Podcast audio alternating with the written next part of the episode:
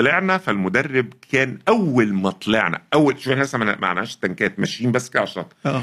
قال لهم حسام كان عامل زي البيبي الصغير تحت المايه ال- التعبير ده حياتي كده. لما هتحطها في دماغك هيبتدي يبقى عندك طموح تتحرك ناحيتها. الطموح ده هو اللي بيشغلك. نعم. حافز بنتكلم الله. يفتح عليك. حافز الله عشان كده لما حد يقول لك فقد الشغف ومش فاقد الشغف؟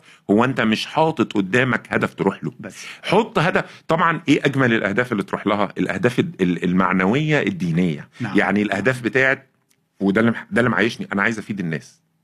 الله. مجا... و... وعايز. أنا عايز أدخل الجنة من الباب عايز أرضي ربنا من الباب ده. السلام عليكم ورحمة الله وبركاته. حلقة جديدة مع معافر. الحلقة اليوم آه، مختلفة تماما عن ذي قبل. أولا أنا آه، لقاءات مع معافر. بنخرج لايف بث مباشر على الفيسبوك عموما. وبعد ذلك بنطلع الفيديو ونعمل له مونتاج ونحطه على اليوتيوب. النهارده بقى أنا في مصر بزور مصر آه، لقرابة شهرين ولحسن حظي رتبت إني أكون مع ضيف مميز جدا شخصية ملهمة ومؤثرة من الطراز الأول. أنا شخصيا عرفته عن طريق مقالاته القوية جدا والهادفة والتربوية واللي بتجمع ما بين العلم الديني الشرعي وكمان العلم الدنيوي الدنيوي. في مجال إيه بقى؟ في مجال مهم جدا جدا وبيخدم قطاعات كثيرة جدا. في مجال البزنس وريادة الأعمال وتأسيس الشركات ويعني أنا أنا مش هطول كتير ضيفنا النهارده هو الصديق الجميل هو الدكتور محمد حسام خضر. يا مرحب بيك. إيه التقديمه التحفة دي؟ ما إحنا قلنا بقى خلي قلنا خلي خليهم يشوفوا التقديم إزاي بقى. ف... فطبعا النهارده أنا جاي اسكندرية وبنبث ال... الفيديو ده أو البودكاست ده من عند بيت أخونا أو الاستوديو. طبعا إحنا قاعدين على السفرة بتاعته وعامل الاستوديو سفرة بيروق على أهل بيته. فمعانا محمد حسام خضر أنا جاي معاه في العربية. قعدنا بقى نتناقش ونتكلم. بتعرف عليه طبعا لأني أعرفه عن طريق كتاباته لكن بصفة شخصية إحنا التقينا مرة أو مرتين. وكان لزاما آه، بعد ما عرفت رحلة معافرته وتعبه في الحياة وسعيه واجتهاده وإنه راجل فعلا long life learner شخص بيجمع علم ومعرفة طول حياته إلى الساعة اللي إحنا قاعدين فيها دي. فكان لازم يكون معانا في مع معافر نتعلم منه. آه، ناخد من آه، خبراته ونتعلم منها برضو. واللي أنا هبدأها من السعودية. آه، محمد أو دكتور محمد حسام خضر أنا عايزه نخش كده في العمق شوية. أنت كان ليك تجربة عشر سنوات في ألمانيا في السعودية. طبعا أنا أولادي عاشوا حاجة زي كده في دول تانية. فأنا ببقى عارف إن في تحديات خصوصا في دول الخليج. إنك ممكن تتعرض لتنمر لكلام مش عارف إيه وما إلى ذلك.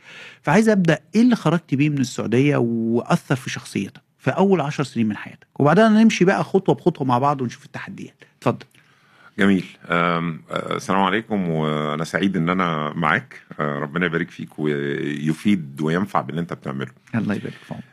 الحقيقة آه السعودية كانت فترة أنا عشت هناك آه، طبعا كنت طفل كنت من أربع سنين من أنا عندي أربع سنين لغاية حوالي 13 سنة. نعم. فكانت فترة حلوة جدا وصعبة جدا في الوقت نفسه على حد ما هواش ابن البلد. نعم. آه، خصوصا لما يكون في الوقت ده في آه، يعني حاجة موروثة شوية عند السعوديين هي آه، التنمر على المصريين بالذات. نعم. آه، أنا يعني جملة الجملة الوح... ال- ال- ال- الشهيرة جدا اللي أعتقد إن كتير قوي من المصريين آه، معرفش لغاية دلوقتي ولا لأ بس يعني اللي سمعوها كان علي عوض دايما كان أي حد يعرف إن أنا مصري لازم يروح قايل علي عوض بطريقة فيها تهكم وسخرية وبصوت عالي ولازم ليه الناس كلها تضحك. ليه ليه علي عوض ما أنا بقى؟ مشيت ورا الموضوع ده. طبعا ولا أهلي عارفين ولا اصحابي عارفين ولا أي حد عارف ليه ليه بيقولوا علي عوض. في critical thinking عايز توصل ليه علي عوض ولا هم نفسهم عارفين إيه علي عوض بالمناسبة. نعم. بس طلع إن هو اسم عربجي شهير آه سواء جه في فيلم أو آه موجود في قصة أو حاجة زي كده. حتى أنا ما قدرتش أوصل للمكان اللي هو ذكر فيه لكن هو عربجي. فدي بتطلق على إن إحنا سواقين آه، حنطور أو سواقين كارو عربجية عربجيه بالمعنى ده. يعني وخلاص. آه ف- بيؤثر على نفسيتك. ده كان جزء جزء تاني كان آه، شارع الهرم. فكان برضو بنوصم إن إحنا بتوع شارع الهرم اللي طبعا هم يعني بي بي بي- بيستخدم في حاجات أو بيشير لحاجات مش كويسة. وحاجات تانية بقى بالشكل ده. ولكن آه، في نهاية المطاف طبعا أنا ما شاء الله يعني أنا ليا اصدقاء سعوديين كتير جدا اعلم جدا يعني. وأنا عندي و- وأنا نعشق السعودية وما شاء الله على. أخ... على أخلاقهم وعلى ما شاء الله علمهم ولا نزكي على الله احدا نعم. بس أنا بتكلم على إن بيبقى في فترة إحنا عارفين إن الأطفال وإحنا عندنا اطفالنا كده برضو الحقيقة طبعا بيكونوا آم، متسابين شوية للحاجات اللي هي إيه ما بينهم وبين بعض عيال بيلعبوا فطبعا دي كانت تأثيرها كبير جدا جدا عليا نفسيا أنا وأخويا آه، أصغر مني بسنة ونص هو. وكانت من الحاجات اللي بتخلينا نبقى في حساسية شوية من إن أنا أتعرف على حد سعودي. فأذكر إن أنا ما كانش ليا غير صديق واحد فقط سعودي والباقيين مصريين سودانيين آه، سوريين أجناس تانية من المغتربين اللي موجودين هناك. نعم. ده كان خلينا نقول يعني سلبي شوية طبعا. آه، هو ضيق الضيق النفسي والضغط النفسي الواحد عايش فيه واللي بيخليه كمان مضطر إنه يبقى حاسس إنه مع أوتوماتيك معزول وأوتوماتيك هو أقل على طول هو عندك الشعور ده على طول. فده كان بيودي من الناحية التانية فين بقى؟ إن ما شاء الله لا الا بالله أنا طول ما أنا في السعودية آه، أنا الأول على الفصل اللي أنا فيه مهما يكن بقى. وبعدين أتيحت ليا فرصة في سنة آه، أولى إعدادي اللي هي متوسط هناك أولى متوسط إن أنا ما شاء الله كنت كنت متميز جدا بالذات في في اللغة العربية وبعد كده في الإنجليزية بس اللغة العربية في الوقت ده. فكنت بعمل حاجة غريبة طلبت مني إن بعد آه، ال- الأستاذ كان يبقى واقف على السبورة في امتحانات الشهر فيكتب الامتحان. نعم. وهو بيكتب السؤال أنا كنت كتبت الإجابة هو يخلص ويلف لنا فأقول له خلصت يقول لي قلم ورقة بقى واكتب لي اسامي اللي بيغشوا كنت انت العصفورة بس عصفورة معلنة يعني مش مش هاجي من ورا الناس. فأنا قاعد باصص على الناس ومركز معانا المراقب بتاع ال... يعني مش قصدي طبعا إنها. ب... ولكن في الوقت نفسه ما شاء الله يعني كانت بتعتبر زي رد اعتبار للواحد أنا بتكلم هنا بصفة. نفسية أنا- بصفة نفسية طبعا أنا أنا أحس إن ده شكل في شخصيتك ومن المحنة تولد المنحة يعني صحيح. أنت بدأت رد صحيح. فعلك كان هو إزاي خرجت بإيه بقى؟ إن بعد الضغوطات الله ينور عليك. خليني حبيت أقول لك لهم مين أنا يعني. خ... ده, ده, ده رقم آه. واحد نعم. ان أنت بتحاول تعبر عن رفضك بالكلام ده بشكل انت عملي. أنت أصلا مرفوض. يعني أنت أصلا منبوذ. نعم. فأنت عايز تقول لأ أنا مقبول. يعني نعم. أنا بالعكس أنا مميز أنا ليا قيمة وليا فاليو كبيرة أكبر منكم كمان. بالظبط. نعم. ف... فكان جزء منها التفوق إن أنا قاعد طول وقتي قاعد أذاكر و... وأشتغل على ال... ال... التحصيل العلمي.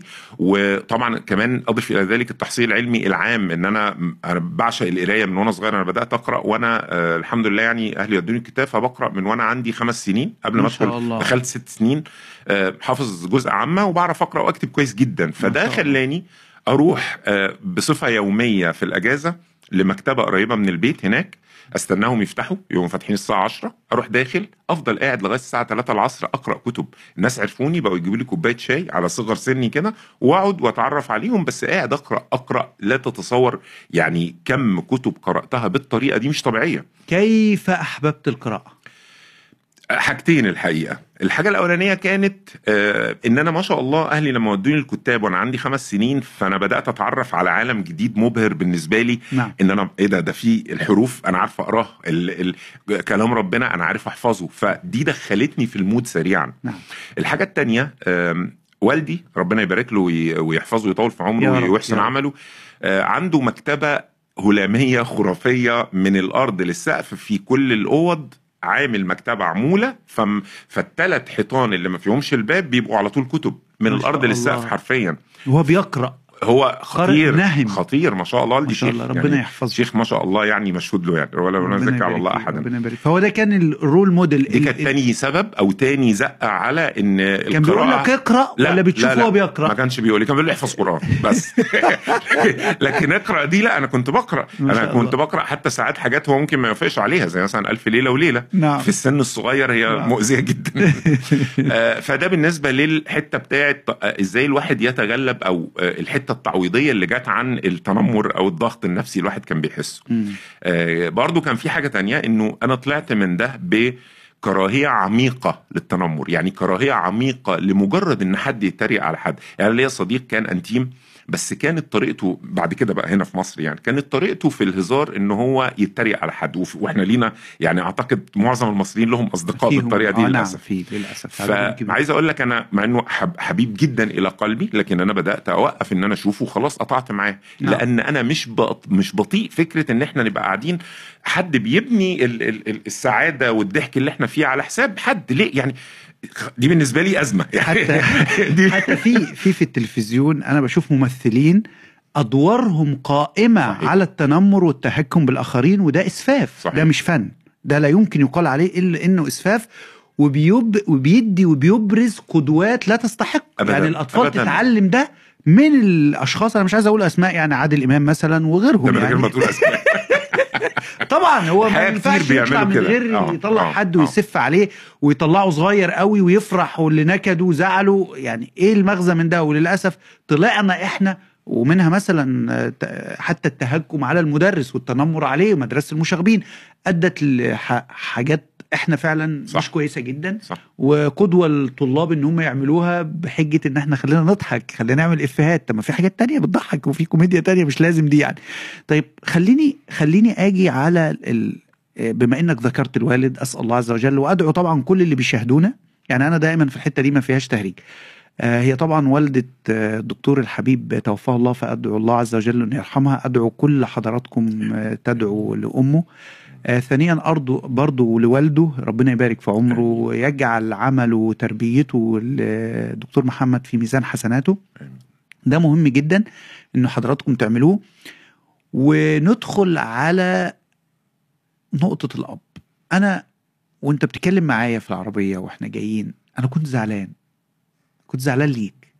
صدقني يعني مهما أقول لك ومش هضحك عليك. يعني الأب مع إنه ما شاء الله قامة قرآنية ودينية لكن هو كان ديكتاتور في البيت. يعني هو كان حطك في إطار سكنك في إطار وطريق أنت ماشي فيه. يعني أنت حتى اختيار الكلية وذاكرت واجتهدت أنت كنت بتحكي لي أنا مش مصدق.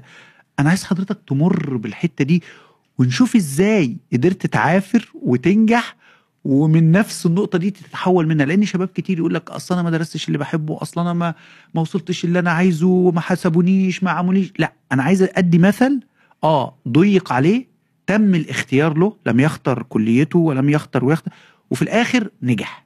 ونجح باختيار الوالد عادي جدا وقدر يحول المحنة دي كلها والتحديات دي كلها لمنحة. كلمنا عن الموقف بقى بتاع الثانوية لحد الكلية ومع الوالد بالذات موقف الوالد. ماشي خليني أقول لك حاجة.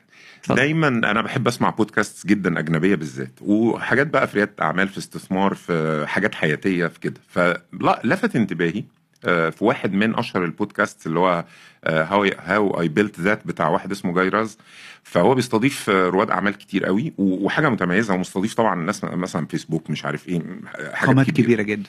فكان دايما بيحرص ان هو يسأل سؤال في الآخر يقول له النجاحات اللي أنت بتوصل لها والتوفيق اللي أنت فيه ده أنت بتعتبر إنه كام في المية حظ وكام في المية شطارة ومجهود؟ سؤال جميل. هنجاوب عليه لا يمكن لا يمكن تلاقي حد يجاوب إنه بانه يقول إجابة فيها إن الحظ أقل من 50% دايما دايما. يعني شوف الأجانب هو ما عندهمش في الغالب ما عندهمش الحتة بتاع توفيق ربنا يعني آه، التعبير بتاعنا بس بيقول إحنا عليها الحظ. بيقولوا عليها الحظ. نعم. ما فيش أقل من 50% ممكن تلاقيه يقول لك 90% و10% مجهود فعلا. أنا ليه ليه داخل المدخل ده؟ نعم. لأن آه، في بعد مهم قوي في الجزئية بتاعه إرضاء الوالدين وعمل الأعمال الصالحة. نعم. ألا وهي إيه؟ ودي الكلمة اللي أبويا قالها لي وأنا بعيط في العربية لأن أنا رافض ان إن أنا أروح أغير الرغبات بتاعتي. خليني طبعا نعم. هحكي القصة دلوقتي بس خليني أقول الحتة دي. فبعمل ده عشان خاطره غصب عني. مش يعني مش عشان خاطره عشان خاطره عشان خاطره غصب عني مم. فلما لقاني ببكي وأنا شاب مخلص إعدادي هندسة وداخل على أولى هندسة شوف سني قال لي إن شاء الله ربنا هيكرمك ببركة برك بوالدك أنا ما فهمتش الجملة دي وقتها وما ومش في وقت إن أنا أفهم الجملة دي ولا في الظروف. نعم. النفسية بتاعتها أنت كنت عايز تدخل إيه؟ أنا كنت عايز أصلا أدخل دار علوم عشان أنا بكتب شعر من وأنا في ثالثه ثالثه إعدادي مقيم و- نفسك صح ونقاط قوتك ونقطة شغفك الله. ومحبتك. ده شغفي. والنقطة التانية إن ما شاء الله أنا متميز فيه لما بدخل مسابقة في مثلا في أولى ثانوي في الأول. ثالثة ثانوي. أنا الأول. ما شاء الله يعني كنت بكتب شعر شعر. مش حاجة. مكسورة مش حاجة ما. لا حاجات. يعني مثلا لو أنت آه، بتشوف البوستات بتاعتي بشوف دلوقتي البوستات تقيلة جدا. يعني أنا بتابعها فيها عمق وفيها فكر تلاقيه بحب أعمل إيه مثلا؟ اولا بص الحمد لله بصوغ أفكار آه، وارتبها بشكل منطقي جدا وتعنصرها. وتخرجها وكمان- مقدمة وبادي وكونكلوجن أنا بشوف وكمان ده بقدر آه، أضرب أمثلة أو أحط صور وأسقطها على اللي أنا عايز أوصل له نعم. دي دي مهارة شعرية فأنا في الحتة دي من بدري الحمد لله. ما شاء الله. سابق فيها. آه الحمد لله. أمي كانت نفسها إن أنا أدخل طب فقلت لها أمي أنا عايز أدخل دار علوم عشان أتميز في الشعر أكتر وأتعلم أكتر. نعم. قالت لي لا ده شغفك ده مش هيأكل عيش مفيش حاجة ما سمعناش عن شاعر آه، معاه فلوس أو بيعرف يستفيد من الشعر بتاعه ده إن هو بيعمل فلوس. فخلي الشعر ده يبقى اهتمام أو هواية أو حاجة جانبية ودور على على حاجة تشتغلها.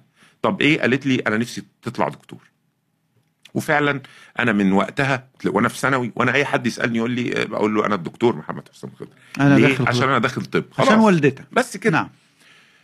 جيت خلصت ما شاء الله جبت مجموع يدخلني آه، طب مستريح جدا ويدخلني بقى أي حاجة بعد كده. وكان في آه، على وقتنا ما فيش التخصص بتاعي إن أنا لازم أدخل حاجة معينة أطلع منها طب وحاجة تانية أطلع منها هندسة. ينفع إن أنا من علمي العادية ديت أخش على طول على آه، طب أو هندسة.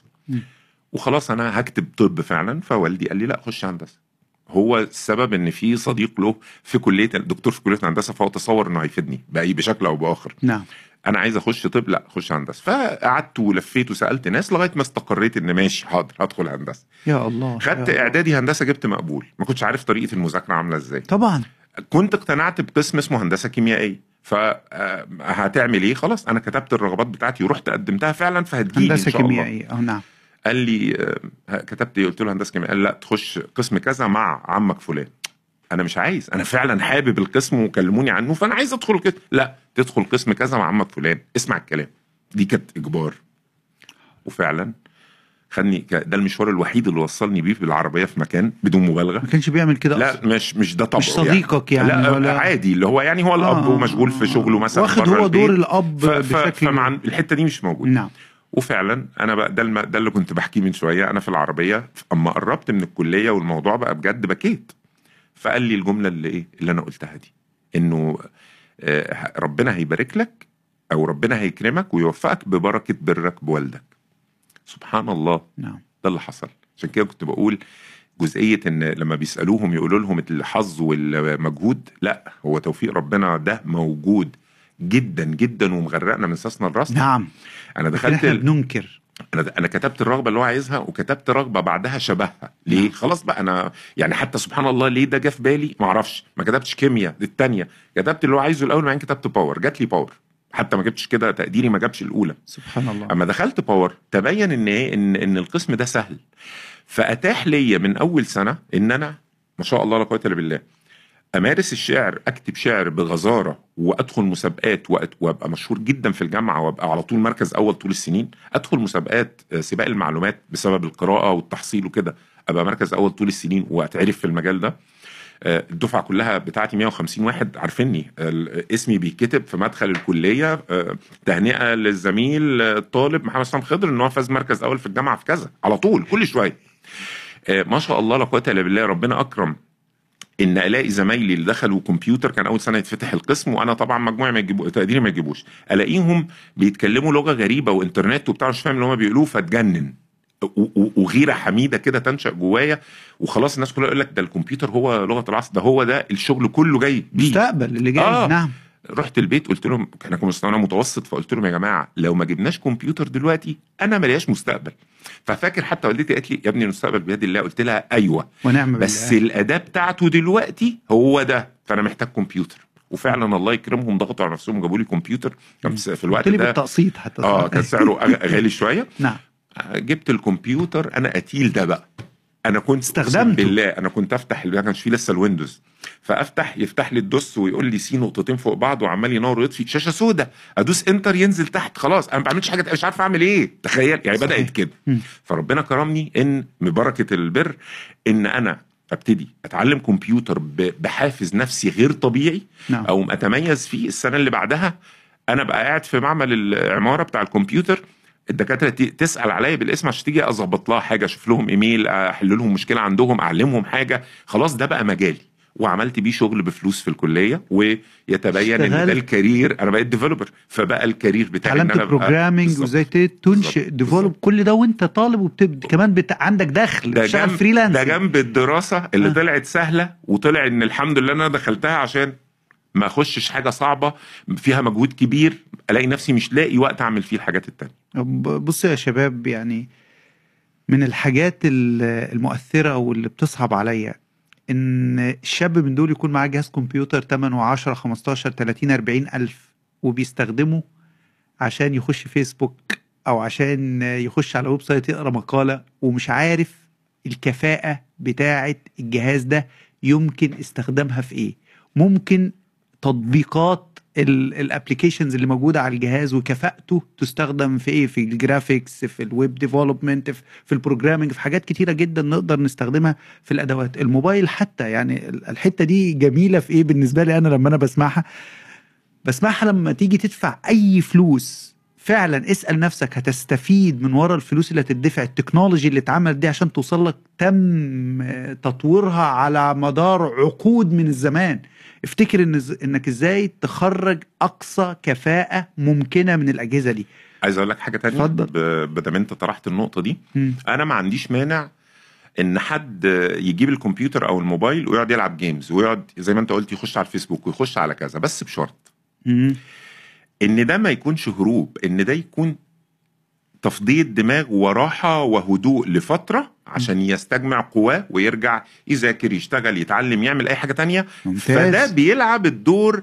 الترفيهي آه، اللي الترفيهي بيفك اللي الضغط النفسي اللي. عليه نعم عايز أقول لك أنا بدون الهوايات بتاعتي الحمد لله أنا من الناس اللي يعني هقول لك هعبرها لك بقول لك التعبير حد قاله عليا أنا لما رحت اتعلمت مثلا scuba diving من حوالي أربع سنين أو خمس سنين فما نزلنا بقى في شرم الشيخ في منطقة جميلة جدا وأول مرة في حياتي أنزل أغطس مم. آه، أنا سرحت منهم شوية ورجعت وبتاع طبعا بالنسبة لي الموضوع كان عالم يعني خرافي. إلى جديد- الآن جديد المشهد جداً، ده جديد أنا ما. شفتوش تاني مع إن أنا خلاص ده بقى career ليا. ما شاء الله. آه، أنت بتعمل diving غطس على طول. ودلوقتي تصطاد دلوقتي, دلوقتي فري دايفنج وسبير فيشنج صيد بالبندقية. ما شاء الله. دي الهواية. دي, هواية رهيبة. بت... فالمدرب ده أنت قلت لي إن أنت هتعزمني على بحب بس. أفكرك قدام الناس. لو ما عملهاش هطلع أقول.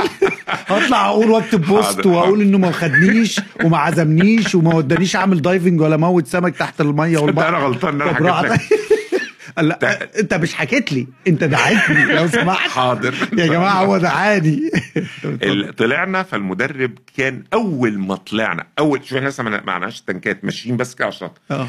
قال لهم حسام كان عامل زي البيبي الصغير تحت المايه ال- التعبير ده حياتي كده. أنا أنا تلاقيني آه، تكتشف. بتعرف على حد تتعرف. عندي الانبهار بالدهشة الأولى عندي الله. الحتة بتاعت إن أنا الله آه، أنا بتعلم وبتبسط يعني في جزئية أنت يعني مثلا لما رحت مرة دبي فلأول مرة كنت بشوف النافوره الراقصة وهي شغالة والأصوات عالية أنا رحت عيطت بكيت من روعة المشهد الدهشة بتبقى بت- بتغمرك. أنا كده فتلاقيني أنا كل أنا عايز فترة اسالك على نقطة في الحتة دي لأن أنا استشفتها يعني منذ علاقتنا ببعض وبدأت أقرأ لك أكثر وبدأ لقيتك بتخش تقرأ لي وتعلق وتتفاعل عندي. كأنها صفحتك. على فكرة دي كانت حاجة غريبة. أنا بالنسبة لي ليه؟ ف يعني حد ما شاء الله بحجم كتاباتك و بتنزل وتقعد تعلق والحته دي مهمة قوي لا وبت... وبتيجي على نقط highlight عليها. وأكد على الحتة. ليه؟ إيه الفكرة إن أنت بتعمل كده؟ يعني؟ ليه ليه ليه أصلا بتوري الانبهار؟ في ناس على فكرة بتنبهر وبتداري الانبهار بتداريه يعني يخفيه. يعني أنا واحد من الناس بحب لما أشوف حاجة حلوة أقول دي حلوة وأعبر وأتكلم وزي الطفل أنا عندي نفس الفكرة دي. آه أنت كده هتوديني لمكان تاني. اتفضل. مرة كتبت post اسمه وأظن مش عارف نزلته في الكتاب ولا لأ كان اسمه آه، من أسوأ آه، 24 ساعة في حياتي إلى أحسن 24 سنة في حياتي. ما شاء الله. وكنت بحكي فيه لا ده أنا قصة عايز ده إزاي؟ أنت جبتني بالعنوان لعبتها صح. أنا شاعر بقى. الفضول هي الفضول هي آه، أنا كنت شخصية آه، م، سيئة. بمعنى إيه؟ كان عندي حاجة مش كويسة ابدا. هي سبحان الله جت من مدخل كويس بس عشان ما حدش رعاها عندي أو هذبها مشيت في طريق مش كويس. ألا وهي النقد. بس النقد اللي يوصلني إلى إني ما بشوفش غير الوحش. يعني وأنا صغير أنا عندي مثلا ست سنين مع ست. سنين سبع سنين. والدي بقى قاعد مثلا بعد صلاة الفجر فأصحابه المشايخ قاعدين عندنا في البيت. وبعدين حد يقول حاجة أقوم أنا مطلع الغلطة النحوية اللي فيها. أنا كنت شاطر قوي في الكلام ده ما شاء الله ما شاء الله. آه، حد واحد مرة رسم لوحة جميلة جدا نعم. وجه فبيقول رأيكم فكله بيقول له حلو لوحة فيها مركب وما فأنا رحت قلت له فيها ثلاث أخطاء. أنا عندي سبع سنين. يا الله. إيه؟ قلت يا له الله. قلت له والله العظيم. قلت له الظل ده الظل ده. سلبي فعلا. أيوه. الظل ده عكس الظل اللي موجود في الحتت التانية. النور هنا كذا. الحتة ديت مش المقياس بتاعها مش مظبوط. بص كده هتلاقي كذا كذا كذا. والناس كلها ايدت اللي أنا شفته.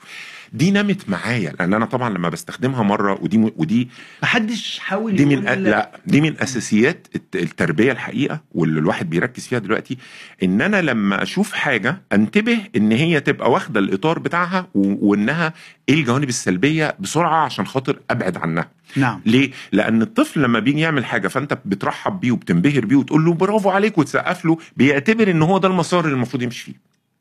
بيعتبر إن هو ده. أنا مرة غلطت الغلطة دي مع أنا ابني. عايز أقول لك إن تعليقاتك دي كانت بتحفزني وبتلهمني. سبحان الله لسه جاي لك بتساعدني إني أكتب. ده أنا جاي. لما محمد آه ما محمد حسام خضر بيعلق لي وعمال يتفاعل عندي زي واحد عادي ج... لأ أنا أنا بوستاتي تقيلة جدا إن محمد إنها تعجبك أنت لا وتستمتع أنت ما بيها شاء الله وتتفاعل. بصوتك فعلا جميلة. أنا جت ف... يعني ما بالك بقى إن أنا جاي مرة ورحت جاي آه، الكلام ده من حوالي أربع سنين. ورحت جاي على أكتر ناس أنا بتابعهم أظن 20 واحد وكل واحد دخلت حطتني كتبت حطتني حطتني فعلا طب أنا مش فاكر. اني كتبت لا. لا ده أنت حطيتني في الاوائل يعني آه. حطيت إيهاب مسلم آه، ساعتها آه، الدكتور آه، إيهاب آه، مسلم وحطيت رمزي عبد العزيز بعدها دي, دي أنا نفسي أنا نفسي استغربت. دي كانت واحدة دي السنة دي. لا ده ده في حاجة بقى حضرتك. ده في حاجة تانية. الشخصية لا تتجزأ. في حاجة من أربع سنين عملتها. اتفضل. كنت أجي ال 20 واحد رحت جاي لكل واحد على صفحته كاتب له paragraph من paragraph مثلا من إيه خمس ست سطور. بقول له أنا لما بشوف اسمك وصورتك وأنا بسكرول بقف لأن أنا ببقى عارف إن هلاقي كذا أو كذا أو كذا أو كذا وهستفيد كذا. لا تتصور تأثير دي كانت على الناس عاملة إزاي لغاية الآن. في واحد منهم شيرها تاني اليومين دول. أنا عندي فضول. بس أنا استنى بس هقول لك ليه بقى ده جه منين. طب قول. فأنا كنت بادئ زي ما أنت شفت كده الشخصية النقدية اللي لما يشوف حد بيعمل حاجة حلوة يلقط الحتة الوحشة فخلاص دي وحشة. فيروح مكمل بقى في حتة إيه؟ أنا مش أنا مش شايف إن الناس بيعملوا حاجة حلوة. أنا مش شايف إن أنت عندك حاجة مميزة لأ ده فيها العيب ده. أنا عمري أقعد في خطبة أي خطبة جمعة. سن كام؟ ما هي جاية بقى لغاية ال 24 ساعة اللي هحكي لك عليها. وأنا في الكلية كنت دخلت سباق المعلومات اللي بحكي لك عليه اللي دايما بكسبه أول ده سواء في الكلية أو في الجامعة أو في الجامعات. ف- فتالت سنة أنا داخل المسابقة طلعنا من أول دور. دي عمرها ما تحصل لي. قبل كده عمرها أنا متعود إن أنا الأول ومغذى فيا إن أنا أحسن واحد. روحت البيت الدنيا ضلمة بتقفل عليا صدري ضيق عمال أعيط هستيريا في حاجة مش طبيعية. أمي إيه يا ابني؟ آه، مفيش إيه يا ابني؟ في تاني يوم. إيه يا ابني؟ في إيه؟ قلت لها حصل كذا كذا كذا كذا. سبحان الله ما- مش بنقول بقى إن في توفيق ربنا وفي مجهود إن في اليوم التاني ده يبقى عندنا خالي الله يرحمه. خالي الله يرحمه ده من أعلام علم الاجتماع وبالتالي هو ملمس مع علم النفس والحتت دي بشكل قوي جدا من أعلام علم الاجتماع والتأصيل الإسلامي له. ما شاء حد الله، ما مشهور شاء يعني. اسمه دكتور آه، آه، إبراهيم رجب. رحمة الله عليه. آه، ربنا يكرمك. فقال لي إيه؟ قلت له واحد اتنين تلاتة أربعة. ضحك. قال لها انت السبب طبعا يعني هو عملها كده بحيث يلهيني شوية. قال لها انت السبب انت عمالة تقولي له أنت لازم تطلع الأول أنت لازم تطلع الأول أنت وتشجعيه وبتاع. مين اللي قال لك يا ابني إن أنت لازم تطلع الأول؟ بمنتهى البساطة. تخيل تخيل. مين اللي قال لك أنت لازم تطلع الأول؟ عادي. هتطلع الأول في حاجة هيطلع واحد أحسن منك في حاجة. هتطلع الأول في حاجة هتطلع التاني في مرة تانية هتطلع خالص بقى. هي الحياة كده وأنت متوقع إن أنت تبقى أحسن واحد في كل حاجة طول الوقت. ومفيش غيرك على الكوكب أصلا. بالظبط كده. مستحيل. اللي خلقك ما خلقش غيرك. نعم. عايز أقول لك ما خدش 10 دقايق. لكن أنا أنا من النوع اللي بفضل الله لما بتعلم الحاجة في لما. بتعلم الحاجة بتطبق. بطبق. فلو لو حاجة صح فخلاص انتهى الموضوع انتهى الموضوع. أنا رحت تاني يوم الكلية أنا شايف كل حاجة بمنظور تاني. مش فارق معايا. بادئ إن أنا أشوف أي حاجة كويسة أقول عليها كويسة أنا خدت وقت أ practice ده. يعني خدت وقت أصلا عشان أمرن نفسي إن كل ما ألاقي حد بيعمل حاجة كويسة أو عنده حاجة كويسة أشكره أو أمدحه أو أقول له أنت عندك دي ما كانتش عندي. عشان كده أنا بقول إيه؟ من أسوأ 24 ساعة في حياتي إلى أحسن 24 سنة في حياتي اللي هي اللي أنا عشتها بعد الموقف ده. نعم. فعلا؟ نعم. لا زي ما أنت قلت. بشوف دلوقتي خلاص بقت طبيعية شوف بعين إيجابية ما بتروحش على طول على طول. دايما أقولها آه، حتى في الغرب لما يعني في تجربة الغرب وألمانيا وفنلندا 14 سنة يقولوا لي هو أنت ما بتجيبش ليه؟ تتكلمش عن العهر وال والمحرمات والمخدرات والغرب رايح في الخطيئة وهيتدمر هيقع علينا بعد كده. ده في قنوات شغالة أكل عيش أقول لهم السؤال أنا موجود في الوسط أنا عايش ده؟ هنقل لكم حاجة أنا ما بمارسهاش بره؟ بالعقل يعني هي دي ألف ب هو عشان أطلع أقول إن هم فيهم وفيهم وفيهم. وأنا ما شفت أنا شفت منهم الجانب العلمي. أنا بقالي 14 سنة في جامعات وأولادي في مدارسهم شايف كل حاجة. أنا ب... أنا بدرس تحضرهم وصلوا للحضارة وال... وال... وال... واللي هم وصلوا ده الن- النجاح العلمي المبهر والبحث العلمي و... ومدارسهم وبتاع. هو ده اللي شاغلني مش شاغلني سلة الزبالة وده اللي- ارجوك أرجوك ما تخلينيش أركز مع سلة زبالتهم وده اللي كان يعني؟ بيحصل في العصور الإسلامية ما هو نعم. العصور الإسلامية إحنا أصلا صدرنا علم وخدنا علم يعني نعم. اللي حصل تلاقح العلمي اللي حصل في الوقت ده طور كتير جدا ونور كتير جدا ولو ما كانش موجود كان في حاجات هتبقى مختلفة صح. فده دور جميل ما شاء نعم. الله بس الا أنا بالله عايز أعرف حتة برضو اتفضل. يعني أنا أنا أنا بعشق حاجة اسمها المراجعة والتقييم لما بترول كده عندي على البوستات إيه اللي بيجي بقى إيه اللي بتتذكره أنت أنا على طول بلاقي حد كده آه زي ما انت قلت من شوية عايز يبقى بينور الدنيا بينقل علم بينقل طريقة تعليم وطريقة علم وطريقة استفادة من علم وإحنا يا جماعة مش أقل من من من أي حد شغال مش أي من كل حاجة لها طريقة. أنا بر... أنا مؤمن أصلي بالحتة دي. لما بلاقي حد شاطر قوي في حاجة بالنسبة لي أنا بنبهر بالحاجة بس في نفس الوقت إيه ما دام بيعرف يعملها يبقى لها طريقة أنا أقدر أتعلمها واوصلها صحيح. ف... ف... فده الكونسبت اللي أنت أصلا باني عليه حتة نقل ال- التعليم ونقل الطرق ونقل نعم. الحداثة أو الطرق الحديثة في في الحاجات. عجباني جدا ما شاء الله. ربنا يبارك فيك ربنا يبارك فيك وسعيد بالمراجعة بتاعتك لأن ده ذات قيمة بالنسبة لي جدا. آه، أنا مؤمن بتقييم الذات. طب خليني أقول لما الدكتور محمد حسام خضر في فترة الجامعة أنا عايز أقول لك أنا بقى بيعجبني إيه في مقالاتك؟ إنك بتلمس الشباب عايش واقعهم. ما بتتكلمش معاهم من برج عاجي كبير وإنك بقى رائد الأعمال والاستثمارات الكبيرة واللي بتطلع في لقاءات لا. انت بتدخل بكل هدوء تبسط له الموضوعات وتعيش الواقع بتاعه. أنا عايز من ضوء تجربتك في الجامعة ومن ضوء حال الشباب اللي انت شايفه إزاي يستفيدوا من فترة الجامعة وفترة تعلمهم دي. جميل. حاجة أساسية اللي أنا لسه كنت بتكلم فيه من شوية إن أنا دراستي في الجامعة ما تبقاش أو ما بقاش متصور إن هي فترة أنا مهمتي إن أنا أروح أدرس الحاجات دي وأمتحن فيها وأطلع. ده غلط. ده غلط. شهاده تعليم الشهادة ده, ده مش غلط عايزينه تماما تماما تماما يعني بنسبة 100% أنا في الجامعة عندي حاجات تانية المفروض إن أنا أبدأ أكتسبها و- و- وأشتغل عليها لأنها هتفرق كتير معايا. هتفرق كتير معايا في إيه بقى؟ في شخصيتي ودي اللي تهمني بصراحة شديدة. أنا ما يهمنيش إن أنا أدخل أتعلم وأطلع ما أنا هقدر آخد كورس في ست شهور وأشتغل بيه. مش دي القصة. أنا اللي الرقم واحد شخصيتي. وهنا أنا بتكلم عن إيه؟ وليه بزق الناس إن هم يخشوا أنشطة طلابية؟ لأن تكوين الشخصية أنا طالع من ثانوية عامة مثلا وداخل الجامعة أو حتى وأنا في ثانوية عامة فأنا طالع بشخصية معينة في حدود معينة. الانطلاقة بتاعت شخصيتي واكتمال العناصر بتاعتها هيجي في الجامعة من إن أنا بتعامل مع زملاء فحد هيتريق عليا حد هيتعامل معايا تعامل مش كويس حد. هيقفش عليا حد هيظلمني. دكتور هيظلمني. لازم يعني بيحصل. نعم. آم، دكتور آه، الناس بيتريقوا عليه وأنا باخد موقف هتريق ولا مش هتريق؟ هتشيل مواد. مثلا عادي آه، آه، وتخفق تع... تعاملات حادثة بتحصل تع... مختلف التعاملات اللي. بتحصل في الجامعة. هي دي اللي بتغذي عند الواحد. لذلك أنا بقول إيه برضو مش تخش الجامعة وتبقى ما تعرفش حد وقاعد في المحاضرة مزوي. وخلصت وتمشي. مش هي دي اللي بنتكلم عليها.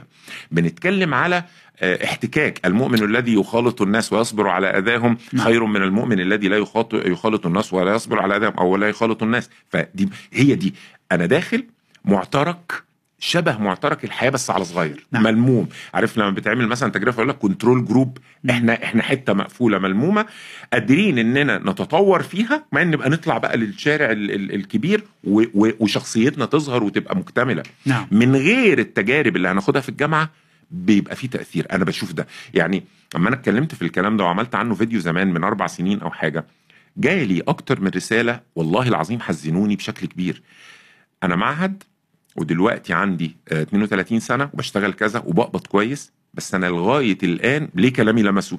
لغاية الآن نظرة الناس ليا في التعامل مش كويسة. لغاية الآن واحد تاني أنا حاسس إن أنا أقل من زم من زملائي عشان أنا ما خدتش التعليم اللي هم اتعلموه. لغاية ال... وهكذا.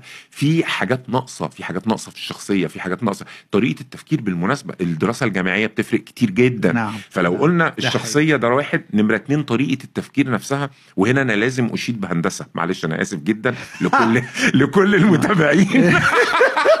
لازم أنا- أشيد بهندسة. اولا اولا أنا علوم قسم كيمياء بس واخد دكتوراه من هندسة. هقول لك حاجة. دكتور إنجينير خد بالك. طب خلاص انت كده الحمد لله. شعب- شعبطت في الأتوبيس. لحقت طرف ديل الأتوبيس؟ آه، علوم. نعم آه، صعبة جدا. نعم. فبتكسب ال- الواحد قدرة على آه، استسهال التعلم. نعم. حتة حلوة نعم نعم نعم, هندسة بتدي حاجتين من وجهة نظري يعني. نعم. الكلام ده صح آه. آه، رقم واحد إنها بتكسب عقل هندسي آه، شاطر في التحليل والتفكير بطريقة منطقية الله معلش الله معلش الله يعني الله. ده حقيقي نمرة اتنين عندها الحتة بتاعت مش استسهال التعلم لا أه ال ال الإيمان بأهمية التعلم المهندس نادرا ما تلاقيه يخش في حاجة ويحاول يعملها من غير ما يبقى فاهم لها من غير ما يتعلمها. الحتة دي مهمة طريقة برضه. تفكير. آه. دي طريقة تفكير. وبالمناسبة بقى أنا كنت مرة عملت بوست مش فاكر ولا فيديو في كل الكليات من وجهة نظري أنا شايف كل كلية بتكسب طريقة تفكير عاملة إزاي نعم نعم أدي دي دي تاني حاجة تالت حاجة طبعا المادة العلمية نفسها إن أنا بتعلم مجال المجال ده بقى معايا. قررت اشتغله أهلا وسهلا أنا بقى معايا سلاح أواجه بيه الحياة. نعم. ما قررتش اشتغله أهلا وسهلا اتعلم حاجة تانية اشتغلها. ربنا كرمك بقى معاك حاجتين تواجه بيهم الحياة مش حاجة واحدة. نعم. عايز تشتغل بتخصصك بعد فترة اشتغل. عايز تفضل في المجال الجديد فهي ميزة إن أنا ابقى مركز في الدراسة بتاعتي برضو وفاهم اللي أنا بتعلم. حتة متعلقة باكتمال الشخصية بقى حصلت معايا حصل معايا كذا حاجة. بس خليني أفتكر دي.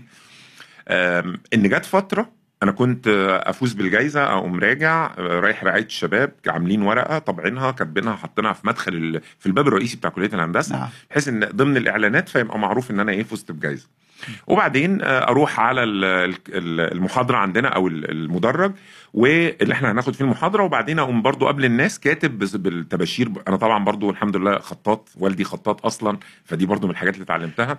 فأقوم كاتب بخط حلو قوي نبارك لل أو نهنئ آه، الزميل محمد حسام خضر على هو نفسك بتعمل. branding. إن هو فاز بجائزه كذا كذا كذا ومش عارف إيه. نعم. فالناس يجوا يشوفوها وتمام. آه. عدت سنة والناس بعضهم بيتعرف عليا وبتاع فخلاص إحنا فاهمين عارفين إن بعض شاء الله بتعمل. community آه. يعني تبني السنة اللي مجتمع بعدها بصيت لقيت إيه ف ف ف آه، أنا برضو كان عندي دي كانت نقطة بس كانت نقطة تانية إن أنا كنت متعود دايما إن أنا أبقى ماشي باصص في الأرض كان نوع من أنواع ال- الأدب وإن أنا برضو ما أبصش على يعني عيني ما تجيش على حاجة أو بتاع نعم. فأبقى ماشي باصص قدامي في نص تاني سنة بدأت ألاحظ حاجة غريبة جدا إن زملائي بي- بيتحاشوني ومش بي مش بيهتموا يسلموا عليا مش بيهتموا يقفوا معايا. ما عدا اتنين هم ال intime في وقت الدراسة. نعم. فكانت غريبة. يعني أنا بقى واقف معاهم ونتكلم مفيش ولا حد والناس حوالينا مش ولا حد يجي يتكلم معايا. مرة في التانية في التالتة في الرابعة فجيت في مرة فبقول لهم وليه الناس مش بييجوا يسلموا عليا؟ وخلاص الناس كانوا عارفيني و... وأنا بينهم معروف وكده. فبصوا لبعض. فإيه يا جماعة في إيه؟ قال لي بصراحة الناس بتقول عليك إن أنت مغرور. شوف أنا لا أنسى. وقع الجملة أو الخبر ده عليا كان عامل إزاي. أنا أنا عمري يعني أنا مش مغرور. مش لو أنا مغرور خالص. لو أنا مغرور ماشي. أنا مش مغرور منين؟ وإيه اللي يخليني أتغر؟ أنا طول عمري عارف ومتيقن أي فضل أنا موجود فيه وتوفيق أنا موجود فيه هو بتاع ربنا فعلا بدون ومش بقولها كده. ابدا. أنت عارف ده دي من نعم لا, لا أنا عارف أنا ف ف تنسب دائما الفضل كانت عز وجل كانت فعلا آه، كارثة. نعم. روحت. ده برضو من الأوقات اللي كانت صعبة عليا جدا. رجعت تاني يوم واخد قرار إنه ماشي. الحاجات اللي بتخليهم يبقوا متصورين كده؟ إن أنا ببص في الأرض بدأت أرفع عيني وأبتدي أبص على الناس. إن أنا بكتب البتاع اللي بكتبه خلاص في داهية ما بقتش أكتب البتاع اللي بكتبه.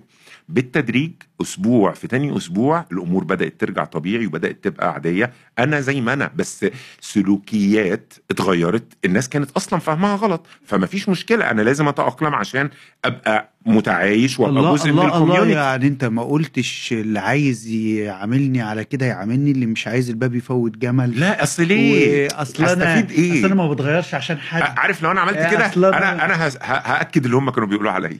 لو أنا عملت اللي أنت بتقوله أنا كنت هبقى مغرور بجد. طبعا لأن إحنا داي دايما أنا أنا بتكلم مع الجمهور أنا دائما أتكلم في حتتين ال adaptability دي مهمة جدا التكيف ده مهم جدا والمرونة. إزاي تبقى flexible صحيح. إن أنت تاخد حاجات معينة حتى تكتسبها من الأصدقاء تكتسبها من الزمايل تكتسبها من أي حاجة حاجات positive قوية متميزة وحاول تكتسبها طبعا ما طبعا تقولش إن أنا أتوقف ومش هغير طبعا زي ما أنت قلت positive بحيث آه إن أنا لو لقيت طبعاً، حاجة طبعاً. ميزة، بتخالف ميزة حاجة أنا مقتنع. بيها آه طبعاً أو معتقد. فيها لأن دي شائعة للأسف طبعاً، الشديد طبعاً، لكن طبعاً. أنا طبعا معاك في. اللي أنت بتقول الجزئية إن أنا آه، أبقى واقف ضد التيار ومعتبر إن أنا كده بطل لا يعني. مين استفاد إيه يعني أنا عايز أنا عايز أنا عايز أقول لحضرتك على شيء يا دكتور محمد إن أنا لقاءات مع معافر كلها بجيب الدحيحة معظمهم الموس بتاع الدفعة اللي بيطلع امتياز امتياز امتياز امتياز, امتياز. وأنا منهم يعني أنا من الدحيحة دول. آه عارف الفرق اللي إحنا بنتكلم فيه دلوقتي؟ أنا شايف الفرق. أنا شايفه في ال interview. اللي بيبقى مركز في الكتاب والمذاكرة ويطلع الأول والأول والأول في الآخر بيشتغلوا عند C اللي هو زي حضرتك كده اللي عنده أفق واسع اللي بيفكر في مشاريع راح دخل عمل volunteering عمل تطوع عمل نشاطات. كنت مع الدكتور طارق السويدان في مع معافر قريبا يعني. كانت حلقة دسمه ما شاء جدا. الله. قال في بحث و research ونزلت عليه post بعد كده آه إن طلاب اللي بيحصلوا على إيه أعلى ال notes هم اللي بيشتغلوا عند الطلاب اللي بيجيبوا C ودول عندهم بعد وأفق واسع أكبر بكتير من اللي هم مركزين أيوة، قوي في أيوة. الكتاب والحل والامتحانات وكده يعني إحنا بس إحنا من إحنا المشاهدات يهمنا التوازن يا جماعة وإن طبعاً. أنت توازن يعني أنت ممكن تطلع امتياز وفي نفس الوقت تبني مهاراتك خليني بقى أجي للصيف حاضر بس إحنا من المشاهدات آه، فعلا اللي بيبقى قاعد مركز في التفوق الدراسي بيبقى اولا حارم نفسه من آه، في الغالب بلاش أقول آه، نعم. طبعا يعني لكن في ناس منهم برضو آه، فعلا طبعا آه، غالبا بيبقى مانع نفسه أو حارم نفسه من بعض الحاجات اللي بيعتبرها تافهة وهي في الحقيقة مكملة للشخصية زي ما قلنا نعم وبتعلي ال self awareness زي القصة اللي أنا كنت بحكيها دلوقتي آه، بالإضافة لكده وبتحط في ال CV بت- بتعطي ميزات تنافسية. كبيرة جدا صحيح عن اللي ماسك الكتاب وحاطط امتياز مع مرتبة الشرف أربع سنين. ال- ال- اللي بيبقى بقى بالشكل ده بيكون غالبا هيترقى هيخلص هيبقى معيد هيبقى دكتور في الجامعة فيبقى بيسلك سكة أكاديمية ما هياش آه، آه، ال- الحياة. يعني عايز أقول إيه؟ إحنا عندنا مثلا في ال MBA يقول لك دي ماجستير إدارة أعمال أكاديمية دي MBA مهنية. نعم مهنية يعني إيه؟ يعني أنت لازم تبقى اشتغلت خمس سنين مثلا ووصلت لمنصب إداري عشان تقدر تفهم اللي فيها وتبتدي تتعلم دوت بشكل من practitioners مش من دكاترة جامعة، يعني الأصل فيها بره إنها من practitioners من ناس ممارسين، ناس رؤساء مجالس إدارات، ناس مديرين الله تسويق في شركات الله الله. فأنت مش شغل بقى theoretical وكتب. و text books فده لا ده يودينا عملي ده, practical ده يودينا عند آه نعم. C هو اللي هيبتدي يبقى بيطور نفسه لأن هو اكتسب مهارات متعددة آه، شخصيته بقت آه، معقدة خلينا نسميها كده نعم، لأن هي فعلا نعم. بتبقى كده. وقادر يتعامل مع مواقف مختلفة لما نيجي نقول مثلا دلوقتي إيه رائد الأعمال إيه السمات الشخصية بتاعته إيه الحاجات اللي نقول بيها الراجل ده هيقدر يكمل إن شاء الله وفي احتمال حتى لو المشروع الأول والتاني ما اشتغلوش ممكن التالت يشتغل من على رأسها كده أو بلاش أقول على رأسها عشان هي على رأسها حاجة تانية على واحدة منهم إن هو يكون بيقدر يتصرف مش بيتزنق. يعني مش ماشي زي ما الكتاب بيقول ما عندوش كتاب. هو واخد عنده مرونة. عنده مرونة عارف يتكيف مع الظروف بسرعة. دي نقطة. نقطة كمان قادر على تحمل الض- الضغوط وقادر على تحمل المصائب. نعم. مش هيجي مشكلة أو كارثة فتلاقيه هنج مش عارف يتصرف إزاي ما حدش هيلحقه اترفع آه، وقعد هو متلخفن هياخد الصدمة. إيه؟ كده. هياخد الصدمة ويرجع ويفوق ويشتغل. أنا شفت ناس رواد أعمال آه، يحصل الحاجة يكتئب وينعزل ويقعد أسبوعين. والله العظيم واحد كان بيسافر دهب يقعد بالشهر ده بالشهرين طبيعي أصلاً. سايب شركته. سايب شركه تضرب تقلب الاكتئاب. بعد ما صدمة حصلت خلاص هو مش مكمل. و... ولغاية ما يرجع بقى. ف- ف- فلا م- شوفوا له حل. فالمقومات متناسبة مع الناس اللي انت بتتكلم عليهم فعلا. نعم نعم نعم. أدخل أدخل على حاجة أنا عايز اللي خرج منها. أنا بقول دائما أناشد لأن أنا ما فيش صيفية ما اشتغلتهاش. ما فيش صيفية وعارف أثرها على شخصية الفرد. وعارف إزاي هي انعكست على تكوين شخصيتي ان كنت بشتغل وبطلع بره الكتاب في الصيف. ماذا أضاف الشغل الصيفي؟ اشتغلت إيه في الصيف؟ قول لي كده وأضاف ليك إيه؟ ونصايحك إيه للشباب في الحتة الشغل في الصيف ده؟ طيب أنا قبل يعني في فترة إن أنا لسه هدخل الجامعة كان شخصيتي كنت آه، منغلق كنت introvert. super introvert لغاية ما في سنة ثالثه يا إما أولى ثانوي ثانية ثانوي حاجة كده يعني قرأت الكتاب الرائع بتاع ديل كارنيجي اللي اسمه كيف تكسب الأصدقاء وتؤثر في الناس. نعم. الموضوع اختلف تماما وفعلا فعلا بدون مبالغة. أنا رحت 180 درجة. ليه؟ الحد اللي من جواه هو عارف إنه introvert متقبل بس عارف ي act as extrovert عارف يتصرف تصرفات ال extrovert يتقبل إنه يبقى قاعد مع لكن ال introvert العنيف ده ما بيحبش يقعد مع الناس يعني بيقعد مع الناس ده بيبقى ضغط نفسي رهيب. مهما كان اللي بيدور ويقعد لازم يتعافى. لوحده فترة. نعم، نعم. ده حقيقي. فإنه حد يبتدي لا يروح الحتة دي كانت الحمد لله توفيق كبير من ربنا. وداني عند ال ال إن أنا عارف أتعامل مع الناس عارف أنطلق عارف أنفتح. فجزئية الصيف بدأت متأخر شوية. نعم. مش من بدري ما اعرفهاش ما أعرفش ان أنا أروح اعرض نفسي على حد أو مثلا أقول لوالدي أنا عايز انزل اشتغل لا أنا عايز اقعد في البيت أنا عايز نعم. اقعد اقرأ كده نعم، نعم. فربنا اكرم ان أنا لما جه موضوع خلصت اعدادي وداخل آه، اولى وفي كمبيوتر وأنا مش عارف الكمبيوتر والكلام ده قلت له طب أنا موضوع الكمبيوتر ده خلاص اساسي فهو الله يبارك له راح موديني عند واحد صديقه عنده شركة كمبيوتر آم، مفيش ما كانش عندهم لسه برمجة بس كان هاردوير نعم. ورحت وبدأت فعلا إيه أتعلم ده الأول. فرق معايا كتير في تعلمي حتى بعد كده في شغلي لأن أنا زي ما ببلاش. قلت لك ببلاش. آه طبعا. و... و... وأعتقد إن أنا أخدت آخر. شهر مكافأة أو حاجة. نعم. بس ليه بقى أخدت مكافأة؟ أقول لك على حاجة سريعة كده عشان تعرف حتة. اولا توفيق ربنا ثانيا إن الواحد لما بيحطط حاجة في دماغه ويركز بتفرق. وهنا أنا مش بتكلم عن قانون الجذب لأن أنا ضده. ليه؟ هو جاي لنا مستو... هو هو ال- الكور بتاع قانون الجذب صح. بتاع إيه؟ لو أنا عايز حاجة وبفكر فيها وبحلم بيها آه ركز فيها واحلم بيها وكل حاجة. تيجي بالعمل والاجتهاد والسعي والمعافرة. و و واللي انت واللي أنت لما بالأسباب. لما هتحطها في دماغك هيبتدي يبقى عندك طموح تتحرك ناحيتها. الطموح ده هو اللي بيشغلك. نعم. حافز داخلي حافز الله يفتح. عليك. حافز الله داخلي. عشان كده لما حد يقول لك فاقد الشغف ومش فاقد الشغف هو انت مش حاطط قدامك هدف تروح له. بس. حط هدف. طبعا إيه أجمل الأهداف اللي تروح لها؟ الأهداف ال- ال- المعنوية الدينية. نعم. يعني الأهداف بتاعت وده اللي ده اللي معيشني. أنا عايز أفيد الناس. الله. مجا... و... وعايز. أنا عايز أدخل الجنة من الباب عايز أرضي ربنا من الباب ده. الله. أنا ساعة لما بعت فتكات مثلا. بقيت يا ماشي. جماعة فتكات دي طبعا اكتبوا ده من أكبر المنصات على مستوى العالم العربي مؤسسها طبعا وهو بيلعب كده كان الحمد لله كان دكتور لله. محمد حسام خضر. أنا بسمع قصة فتكات طبعا أنا سمعت عنها وأنا بره ولكن طبعا ما, ما استخدمتهاش ولكن حتى ليها قصة كده اتعملت إزاي. يعني هم كانوا محكا كانوا محتاجين حاجة في الأسرة فب... فهو عملها الأسرة عشان يدخلوا عليها والناس كانت فاكرة إن في فيميلز يعني إناث هم القائمين على المبادرة. وطلع إن طبعا دكتور محمد حسام خضر هو اللي بيلعب من ورا من ورا ال المنصة. اتفضل اتفضل. فكان آه، بعد ما بعت فتكات فتكات كان له امباكت أو له له أثر غير طبيعي على سيدات مصر وبالتالي على البيوت المصرية على جميع الأصعدة ما شاء الله لا قوة إلا بالله وإلى. الآن الناس لما. بتيجي سيرته بتلاقي لازم طبعا. يخشوا كتير يقعدوا يندبوا ال ال إن هو اتقفل وإن هو اختفى بقاله سنتين الشركة اللي اشتريته مني بعته لشركة تانية الشركة التانية اللي اشتريته قفلته فالشاهد إيه إن بعد ما بعت فتكات آه، كنت ساعتها بعمل عمرة آه، على ما أذكر فأنا في وزيارة فأنا في الروضة فعلا وأنا ساجد لقيت نفسي من غير ما أفكر. هي دي بقى يعني ده من عند ربنا. يا رب أنت عايزني أعمل إيه؟ عايزني أفيد الناس بإيه تاني؟ إيه إيه دوري دلوقتي؟ لأن أنا في خواء حصل بعد ما سبع سنين ثمان سنين أنا عمال أبني وأعمل وأدير community وما شاء الله تكبر وأهذبها وأمشيها في track أتصور إن هو صحيح وأحافظ عليها وعماله النفع بتاعها يدلدق يمين شمال. اللهم لك الحمد. نعم. والناس يقولوا لنا ويبعتوا لنا ويكتبوا لنا. فبعد ما كل ده خلص أنا قاعد في خواء في في إن كان في دور بيتعمل أنا دلوقتي مش بعمل حاجة. فضلت على كده سنتين. كل ما أروح زيارة أقعد في الروضة وأدعي أنا لا أنسى المواقف دي وأدعي بحرقة يا رب عايز من عايز مني إيه؟ أنت عايز تستخدمني في إيه؟ لا أنسى الأدعية دي. الله. عايز تستخدمني في إيه؟ لغاية لما سبحان الله كنت باخد بقى MBA في وقتها ماجستير إدارة الأعمال. ف في آخر الدراسة كده كنت قاعد مع واحد صاحبي في في مطعم هو ولد نشيط جدا في ال ecosystem بتاع ريادة الأعمال. قال لي أنت ليه مش مشارك في ال event الفلاني؟ قلت له والله أنا الدراسة كانت شغلاني السنين اللي فاتت فأنا ما كنتش فاضي وفتكات وبتاع. قال لي لا تعالى نعرف الناس هناك و- وأخليهم يبقى ليك talk.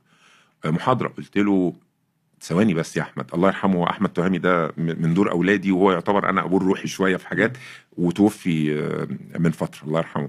الله يرحمه. آه، فقلت له أنا هتكلم في إيه؟ أنا لا أنسى السؤال. هو راح راجع لورا كده راح باصص لي وسايب السندوتش وراح مبرق لي قال لي إيه؟ قلت له استنى بس أنا بسألك بجد. أنا لما هعمل محاضرة هعمل محاضرة أقول فيها أتكلم عن إيه؟ أنا ما أعرفش. ومش عارف إيه اللي ممكن محتوى يطلع يفيد الناس من عندي. قال لي أنت بتتكلم بجد؟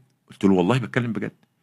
قال لي ده أنا ليه قلت لك كده؟ ما إحنا بنقعد مع بعض يا يا محمد وبنسألك عن حاجات وأنت بتجاوبنا. أي حد عندنا عنده مشكلة في شغله في شركته في البيزنس بتاعه في حاجة أو في دراسته حتى بنجي لك وبنسالك وأنت اللي بتقول لنا. قلت له ماشي.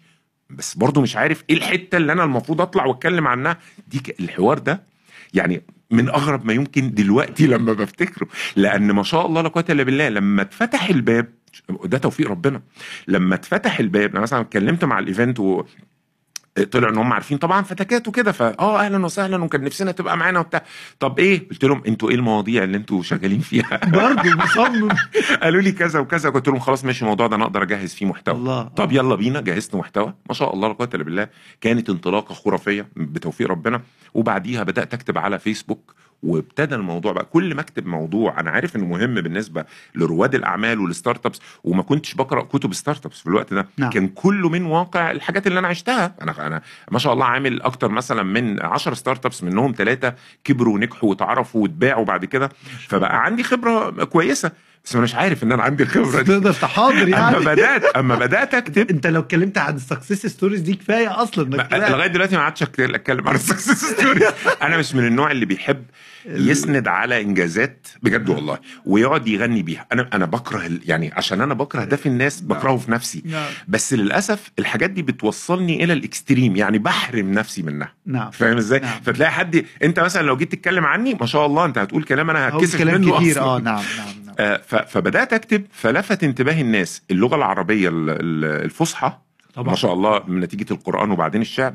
والمحتوى نفسه حاجة جديدة الناس مش بتقولها. أنا بدأت أتكلم في حاجات. أول أفكار رهيب. أنا جيت في لحظة كتبت مقالة دي اللي اتشهرت قوي وعنوانها هو ده اللي عملته عنوان الكتاب. رائد الأعمال inside out الناس فاكرة إن ريادة الأعمال وإن أنا أبقى صاحب business دي حاجة بقى يا ما هنا يا ما هناك وأنا قاعد حاطط رجل على والناس شغالة عندي والملايين داخلة والمستثمرين فرحانين. هو ده رائد الأعمال businessman كتبت المقالة اللي أزعم إنها كانت أول مرة كل الناس تتصدم بالحقيقة بتاعت ريادة الأعمال نعم. الحقيقة بتاعت رائد الأعمال حياته عاملة إزاي نعم نعم فكانت بقى زي ثورة كده آه. أو وطبعا كان في قبلية ناس بيقولوا بس بتخرج فأنا اللي الحقيقة بالظبط. فقويت الموضوع يعني أنت طالع آه، بانصاف آه. بتقول ما لها وما عليها أنا صحيح. بع... أنا أنا بعشق حاجة اسمها الاعتدال والانصاف طيب أنا بالنسبة ل... ل... لريادة الأعمال أنا كنت شاركت مقالة يمكن أنت قرأتها برضو إباحية رجال آه، ريادة إباحية- الأعمال. إباحية ريادة مش الأعمال يبقى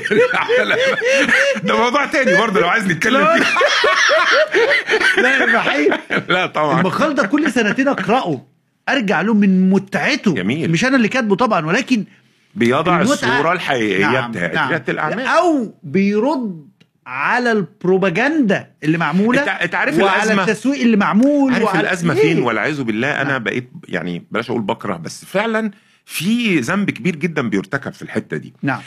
بيجي لي كل فترة رسائل من الشباب وشباب مثلا عندهم 27 28 ماكسيمم 30 رسائل من الشباب تبكي. والله أنا لو مثلا يعني في متاح وقت إن أنا أقعد وأفر الرسائل بقى وأجيب لك حاجات قديمة تلاقي يقول لك إيه؟ معلش يا دكتور أنا كفرت بريادة الأعمال. تعالى يا ابني ليه؟ يقول لي أنا عملت وسويت وعملت وعملت وعملت ما لقيتش حد يمولني ما لقيتش حد كذا. شريكي ما عملش شغل وأنا اللي قعدت أعمل الشغل. وفي نهاية الأربع سنين إحنا بنقفل خلاص وأنا أساسا صارف كل الفلوس اللي كنت محوشها من قبل ما وأروح دلوقتي عشان أشتغل في شركة واقدم. يقول لك كنت فين الأربع سنين؟ يقول لي انت مش شاطر انت انت. انت فاهم في حاجات بس انت مش شاطر في حاجة تناسب سنك. ما عندكش خبرة عمودية في التخصص اللي هتيجي تشتغله عندي. نعم. فانت جاي تتدرب جاي تاخد internship أو junior طب انت طب انت ماشي أنا موافق.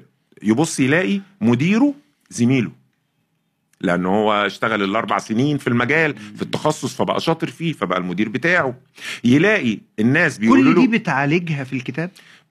ما هي دي النقطة إن إحنا بننشر صورة ريادة الأعمال الحقيقية والاحتياجات بتاعها بتاعتها عشان نفهم الشباب طلاب الجامعة بالذات إنها مش مناسبة ليكم. نعم ريادة الأعمال تاني مش مناسبة لطالب الجامعة، طالب الجامعة تعال نشوف أنا دايما بفكر في الحاجة إزاي بقول هو أسوأ حاجة ممكن تحصل إيه؟ في أي موضوع لو أنا قادر أتأقلم مع أسوأ حاجة ممكن تحصل من الموضوع خش الموضوع. طيب الله لو أنت طالب جامعة وهتدخل ريادة الأعمال أسوأ حاجة ممكن تحصل إيه لو أنت لو ال- ال startup دي قعدت ثلاث سنين وما نفعتش؟ أسوأ حاجة بص بقى إن أنت هتخلص هتلاقي نفسك إن أنت مش شاطر في تخصص هتروح تدور على شركة هيقول لك سنك كبير و... وإحنا عارفين إن عشان سنك الكبير ده انت مش هتبقى متأقلم وهتبقى متضايق فهتسيبنا. نعم. أو آه، مرتب مش مناسب ليك خالص. انت شوف متعود على إيه وجاي دلوقتي على إيه؟ متعود على برستيج ورائد الأعمال وصاحب وال founder بتاع الشركة جه وال founder بتاع الشركة. فأسوأ حاجة مدمرة بالنسبة لك مدمرة لحياتك. أنا ده فما تخشش. أنا بقول إيه بقى؟ اشتغل في مجال سواء تخصص ال- ال- الدراسة أو تخصص خارجي اشتغل فيه 3 4 سنين ادي نفسك فرصة تشد عودك في تخصص. معين اعرف خلاص كده الحاجات انت اللي- بق... انت بقيت جاهز نعم. صح كده. سيب وروح اعمل ال startups اللي انت عايزها أربع خمس سنين طيب. لا قدر الله أسوأ حاجة حصلت هتقفل وترجع تشتغل أنا آه، لساني بص اتفضل. أنا critical thinking يعني الحتة دي ما أقدرش أنا كنت شغال في شركة شركة أدوية والراجل ده عمل إيه بقى؟ راح درس تخصص صيدلة خلص كلية الصيدلة وأبوه عنده شركة. ماشي؟ هو جالنا بعد ما أبوه مات هو مسك مدير الشركة. نزل علينا بباراشوت. أنت كنت فين يا عم محمد؟ اسمه محمد. محمد عبد المنعم. لا أنسى الاسم. قال لي كنت بتعلم في فلوس غيري. أنا وقفت. قال لي آه ما بتعلمش في فلوس أبويا ولا فلوسي.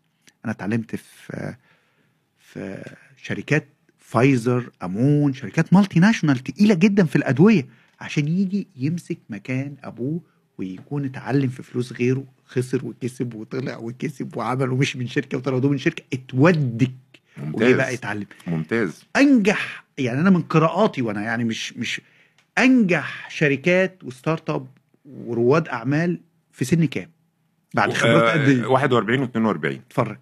شاب من دول بيبقى طالع ورور عضو طري لسه بياخد مصروف من ابوه ولسه بيبني خبراته وعايز يخش يعمل شركة بيفكر نفسه وانت آه، فكرتني بحاجتين. اولا الموضوع اللي إحنا كنا بادئين منه وحودنا أيوه. بتاع الصيف. أيوه. وثانيا بقى حاجة تانية. آه. الشباب اللي بيقولوا لي أنا عايز أتعلم أنا أدرس إيه عشان أتعلم بزنس عشان أبقى صاحب وريد. مشروع أو أبقى عندي شركة. آه وهو لسه طالب أو. هو بيتخرج. طب خلينا موضوع الصيف okay الأول. هقفل لك الصيف ده بسرعة. بسرعة. عشان عندنا آه، حاجات أسئلة كتير. حتة توفيق ربنا في الصيف بقى. والدي وداني شركة. طيب السنة اللي قبلها آه، الأجازة اللي قبلها أنا كنت شفت إعلان في الكلية إنه دورات لأبناء المهندسين. فأنا أبويا مهندس. نعم. فدورات كمبيوتر لأبناء المهندسين في نقابة المهندسين. أنا قلت أنا هروح أسجل هناك لأن أنا محتاج أتعلم كمبيوتر. نعم.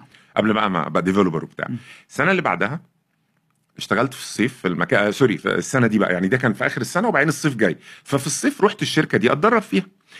على آخر الثلاث شهور لقيتهم بينقلوا وأنا بدأت بقى إيه أسيبهم في اللي هم بيعملوه وأفتح ال QuickBASIC اللي هو كان بداية البرمجة في الوقت ده ال BASIC وال QBasic وكده وأقعد وأبرمج وأتعلم وأفتح ال manual وال help ما فيش حد بيعلمني الحتة دي. فأنا قاعد بعلم نفسي. والله العظيم أنا كنت أروح الساعة 10 أمشي الساعة 10 أم في مرة لا أنساها ودي ودي اللي أنا حسيت بيها إن في حاجة بتحصل. أنا جاي أقوم من على الكرسي رحت واقع دايخ واقع. ما اكلتش حاجة طول اليوم ما عملتش حاجة طول اليوم غير ان أنا بقوم اصلي وارجع ما اكلتش ولا شربت حاجة. مش عايز أنا أنا فرحان باللي أنا بعمله. اللي انت بتعمله. إيه إيه فكرة إن أنت تبقى بتتعلم حاجة مقتنع بأهميتها بتديك بتتحول لشغف في ثانية خلاص. الله أنت مش. عايز أنا كل حياتي كده كل الشغلانات أنا أنا ما اشتغلتش developer بس أنا اشتغلت developer و marketer و marketing manager و sales sales نزلت لفيت على مصانع. و... و trainer أنا اشتغل... أنا نسيت أقول لك أنا اشتغلت في السكة بتاعتك نعم أصلا. نعم نعم. و... ورائد أعمال ومدير شركة و... ومبرمج. أصلا في الأول. وبعدين ما شاء الله استشاري. فانا لفيت على حاجات. كلهم أنا بعشقهم. يعني أنا بيجي اوقات بالرحلة. أنا بيجي أوقات يا دكتور رمزي والله العظيم بيوحشني إن أنا أكون developer عايز أفتح كود عايز أقعد أشتغل. الله بتوحشني. الله ف... ف... الله فجميل. إن أنا أبقى فاهم دي أهميتها إيه وإزاي إنها ممكن تفرق في حياة ناس وفي حياتي. أو داخل وبشغف بقى خلاص. نعم. مش فارق. يعني الحاجات اللي هي شغفي أنا مش هشتغل فيها. مثلا ال- spear fishing أنا أو الغطس. أنا مش عايز أبقى مدرب غطس. يعني ده hobby دي نعم. دي دي هواية. فرق كبير بس بين الاثنين. فلقيت إيه؟ على آخر الثلاث شهور بينقلوا كمبيوترات وبتاع كده وقالوا لنا إيه تعالوا هتساعدونا هنوديها مكان وبتاع. ماشي. رحنا نقلنا الكمبيوترات بتاع 30 كمبيوتر رحنا بيهم مكان مكتوب عليه نقابة المهندسين الفرعية. نعم.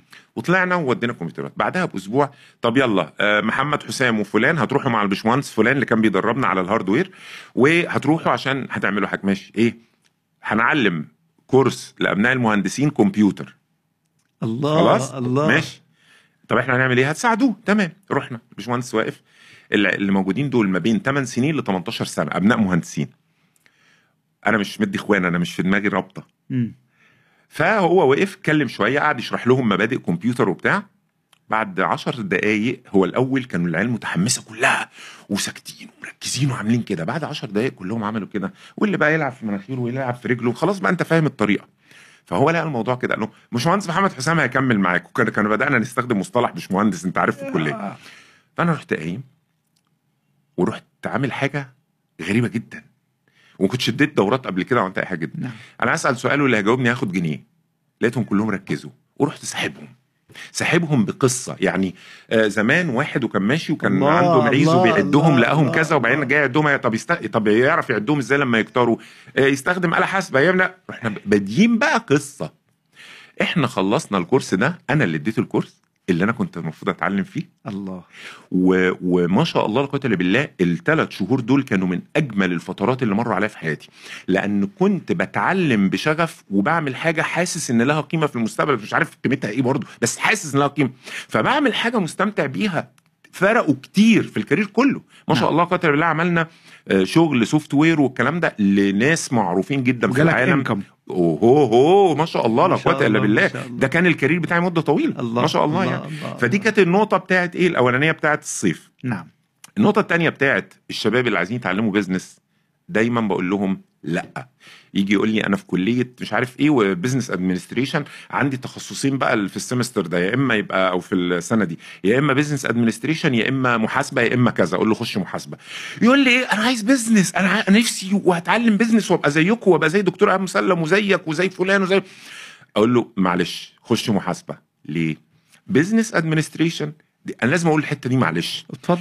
في عندنا إيه؟ عندنا واحد اتنين تلاتة. عندنا business administration وعندنا إدارة مم. وعندنا كل التخصصات اللي جوه business administration business administration دي عبارة عن آه، تجميعة لكل ال ال الوظائف ال أو الأقسام اللي موجودة في الشركات تمام. يعني business اللي هي إدارة الأعمال إدارة الأعمال معناها إيه معناها محاسبة وتسويق واقتصاد وتوظيف و HR و- وكل اللي. تتصور و sales و operation. وإدارة مشاريع أي حاجة. موجودة جوه. شركة نعم. خلاص هي موجودة في ال business في المنهج بتاع ال business administration لا يمكن حد يفهم business administration إلا لما يكون اشتغل الأول وفي شركات فيها حاجات متنوعة. يعني أنا لو أنا اشتغلت في شركة software وما أعرفش غير الجهاز اللي قدامي ولا هيفرق معايا المواد اللي موجودة غير مادة آه، تق- تقنية المعلومات. يا شكرا جزيلا. الله يا لو أنا الله. شغال محاسب مش فارق معايا غير مادة المحاسبة. لو أنا شغال كذا مش فارق معايا غير كذا. فال business administration ملهاش دعوة بالشباب. التانية اللي هي الإدارة يعني دي اسمها إدارة الأعمال. طب الإدارة العامة دي بقى جزء من ال business في حاجة اسمها الإدارة إن أنا أدير ناس. ملهاش نعم. دعوة ببقية التخصصات. نعم. أدير الناس إزاي وأقودهم إزاي وأخطط إزاي دي دي علم لوحده. ده جزء مادة من ال business أدمنستريشن فالإدارة جزء من إدارة الأعمال. الجزء الثالث إيه بقى؟ بقية الحاجات اللي أنا قلتها. فليه بقول ده وبفصصها التفصيل ده؟ أنا شاب أو طالب أو لسه متخرج وعايز أخش في مجال البيزنس اتعلم حاجة من الحاجات الفردية التخصصات العادية اللي موجو... اللي مطلوبة في الشركات عشان تروح تشتغلها. نعم. مفيش مفيش هنا شورت كات مفيش إن أنت هتنط تبقى مدير شركة مفيش الكلام ده. طبعا أنا بيتبعت لي أنا بقانون الجذب و... وبقالي ثلاث شهور أو سنة أو بتاع عمال أحلم إن أنا أبقى مدير. والله العظيم جات لي كده فعلا. نعم. ومستني أبقى مدير وما بقتش مدير ليه؟ تخيل. هو لسه متخرج. ف... ف... فبقول إيه؟ أنا طالب أو حديث تخرج اتعلم تخصص أساسي كده تعرف تروح شركة تلاقي إعلان ابتديها من إعلانات الشركات. دايما. أنا ده ببدأ منين؟ العميل بتاعي عايز إيه؟ العميل بتاعك في الحالة إن أنت عايز تتوظف هو الشركة. شوف الشركات حاطة إعلانات عايزة وظايف إيه؟ روح اتعلم المجال اللي هي عايزاه وروح اشتغل. منه بقى هتكبر. هتتعلم هتروح شركة تانية هتكبر هتترقى هتبقى مدير أهو هتبقى مدير في القسم بتاعك هتكبر هتبقى ممكن تقول في وقت ما أنا عايز أعمل شركة بقى لأن أنا بقيت فاهم كل حاجة. صح. تعالى ساعتها أتعلم business صح. business لما تعدي المراحل دي. الله الله الحتة دي جوهرية جدا. أنا أنا أنا سعيد باللقاء. وبتعلم في حتة مش بتاعتي أصلا. يعني لو واحد عايز يروح لل MBA نقول له روح اشتغل الأول حاجات لها علاقة بال MBA بشكل practical تطبيقي وبعد كده خد ال MBA في ال... الله يفتح عليك في الفيديو اللي أنا عامله قريب من حوالي شهر كده اسمه آه، هل دراسة ماجستير إدارة الأعمال أو MBA مناسبة أو مفيدة؟ ما شاء الله لا قدر بالله ال feedback اللي جه عليه مش طبيعي. ليه؟ لأنه هو تجميعه آه، أسئلة الناس ليا هو تجميعه الاستشارات. أنت قلت آه، حاجة في نص الحوار قلت لي إيه؟ إن أنا ببقى لما بكتب حاجة أو بعمل حاجة محتوى بيبقى متعلق باللي الشباب بيفكروا فيه وبيخاطبهم بشكل سليم. نعم. ده جاي منين؟ بعد توفيق ربنا سبحانه وتعالى. جاي من إن أنا عايش ده. أنا مش قاعد ب ب ب بفكر أنا عايز أكتب محتوى في حاجة أو أعمل فيديو. عمري ما عملت كده. عم حتى الشعر مش بعمله كده.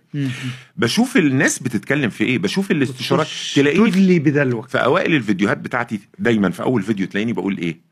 الموضوع ده أنا لقيت إن زادت الاستشارات اللي جات لي بخصوصه فحبيت إنه يبقى علم شائع عند الناس كلها والناس كلها تعرفه ويطور مستوى الناس في التعامل في الحتة دي. نعم. فأنا حياتي كلها كده في المجال ده. تلاقيني مثلا MBA ناس كتير بيسألوني ناس كتير مش عارف إيه. أنا بقى قاعد في استشارة فبعد ما أخلص أقول له بالمناسبة بقى أنت تطلع من عندي تروح تشوف مكان تدرس فيه MBA لأن أنت مرشح هايل لده وهتفرق معاك جدا وهتيجي تشكرني. فيقول لي إيه بقى؟ دي بتحصل كتير.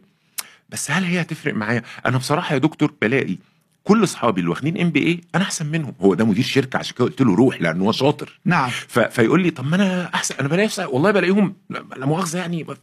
فأقول له ما هي عشان كده هتفيدك أنت. هي ما فادتهمش. آه نعم. هم أصلاً ما عندهمش. معاك التطبيق. أنت عارف. معاك الخبرة ف- فأنت- العملية. إحنا كان عندنا أنا حكيت القصة دي في الفيديو. أنا إحنا كان معانا ولد استثنوه من شرط في شرط كده اسمه خمس سنين أو ثلاث سنين حسب المكان نعم. تكون اشتغلت في السوق وتجيب شهادة من شركة إن أنت اشتغلت قبل كده. ما نعم. اشتغلتش ما ينفعش تدرس MBA الله آه، ده الله شرط. الله الله. فالولد ده استثنوه. آه، فإحنا فوجئنا إن سنه صغير. فبنتكلم معاه قال أصل أنا طالع الأول على business administration كلية business السنة اللي فاتت. نعم. فعملوا لي استثناء وقالوا لي خلاص يبقى أنت تمام تقدر تدرس الايه ال MBA الولد ده سمستر كامل عطلنا. وراح ماشي بعديه ما كملش. يا الله. عطلنا ليه بقى يا دكتور رمزي؟ الدكتور يبقى بيتكلم في حاجة بالنسبة لنا عادية وبيقول لنا الحاجة الجديدة اللي نتعلمها. يقوم هو رافع ايده سائل في الحاجة اللي الدكتور باني عليها الكلام.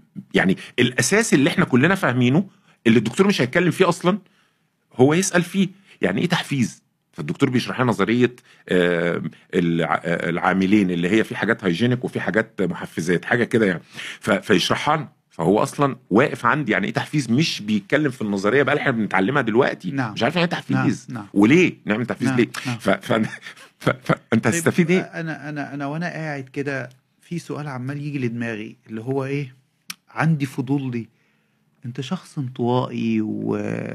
ويعني والناس كانت بترميك إنك مش إزاي وصلت تبقى تعمل شبكة العلاقات الكبيرة دي؟ إزاي وصلت لل public speaking skills اللي أنت فيها حاليا؟ يعني أنا قاعد قدام حد body language تقيلة جدا يعني standard يعني آه، ربط الأفكار ببعضها وسياقها وأسلوب قصصي.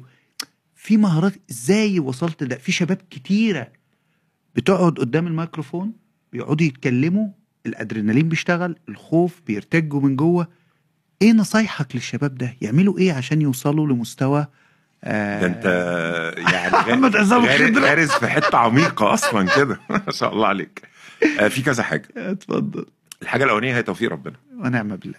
كده كده. نعم، نعم. يعني توفيق ربنا حتى في إنه يحط قدامك الخيارات اللي أنت لما تمشي فيها توصل. يعني توفيق ربنا في كل حاجة كل حاجة الواحد يتصورها حتى إمكانية إن الواحد يتعلم منه. نعم. فده رقم واحد. رقم اتنين نعم. أنا من الشخصيات الحمد لله رب العالمين آه، بلاش أقولها كده الانطوائيين لهم سمات نعم من سمات الانطوائي إن هو شاطر جدا جدا جدا في التعلم الله جدا لأن تركيزه عالي جدا فعارف إن هو ياخد الحاجة أنا الحمد لله بقى دي. دي زودت يعني حتة التركيز دي أنا معروف بيها يعني. آه، حتى وأنا بد... بتعلم مثلا الموضوع بتاع. قبل ما أتعلم الغطس فليا صديق فضل يزن عليا خمس سنين آه، هو شاطر قوي. يعني واصل لمرحلة اسمها technical بينزلوا أعماق تحت وبيقعدوا فترات طويلة ب tank ات كتير وقصة كده. فكان كل شوية يقعد يحكي لي ويحاول يغريني وأنا أقول له أنا ماليش في السكة دي أنا ماليش في السكة دي. لغاية لما خدت الكورس هو جاب لي جاب لي الكورس عندي في المكتب بدون مبالغة وجاب التسعة اللي خدوا معايا الكورس وبعدين إيه خطفونا على شرم الشيخ. مم. فبعدها أنا حبيت الموضوع جدا وانطلقت بقى. كملت. فهو يجي مثلا نبقى ماشيين م- مسافرين مع بعض رايحين رحلة فيقعد يتكلم. فانا مركز معاه وارد واعمل ومش عارف إيه. ثلاث أربع مرات قال لي ما شاء الله محمد هو مهندس برضه. انت بتركز جدا. ما شاء الله. الفكرة التركيز وأنا دي introvert دي دي حتة introvert زودت عليها بقى وربنا كرمني بإيه؟ إن أنا من النوع اللي فاهم أهمية المعلومة في التحول في التطور.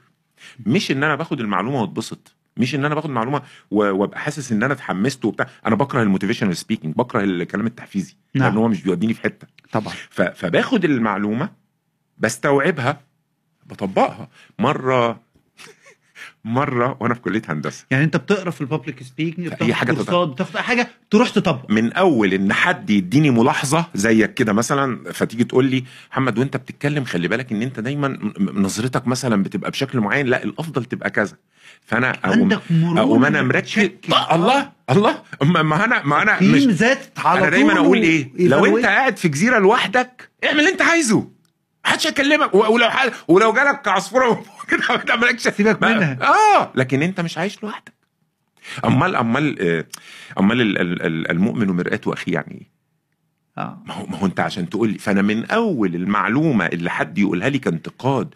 يقول لي خلي بالك كذا أو أنا شايف كذا أو الناس كذا أو بتاع.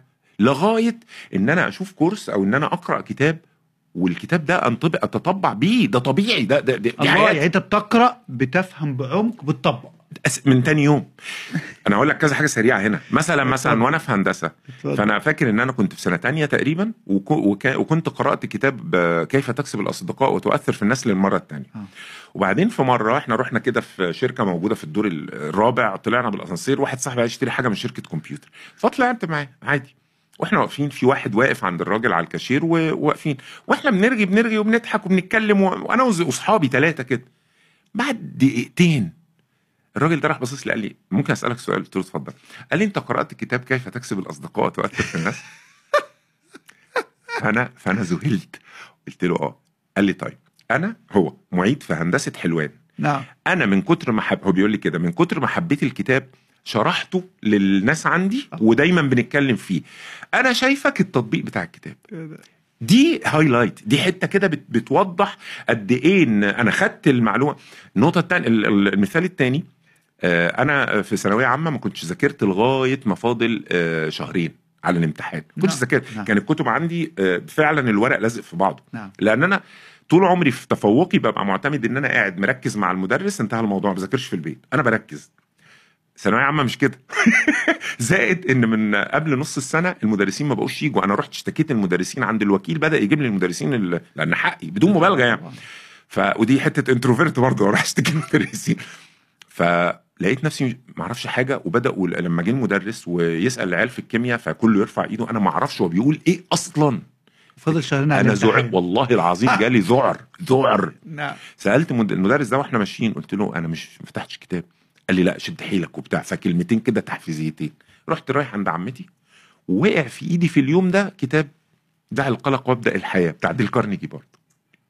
خدته معايا من مكتبة أبويا ربنا يحفظه ويديله الصحة ورحت. ما ذاكرتش. قريت الكتاب. أنا مرعوب. مرعوب يعني ما أعرفش أذاكر. خلاص بقى. فتحت الكتاب.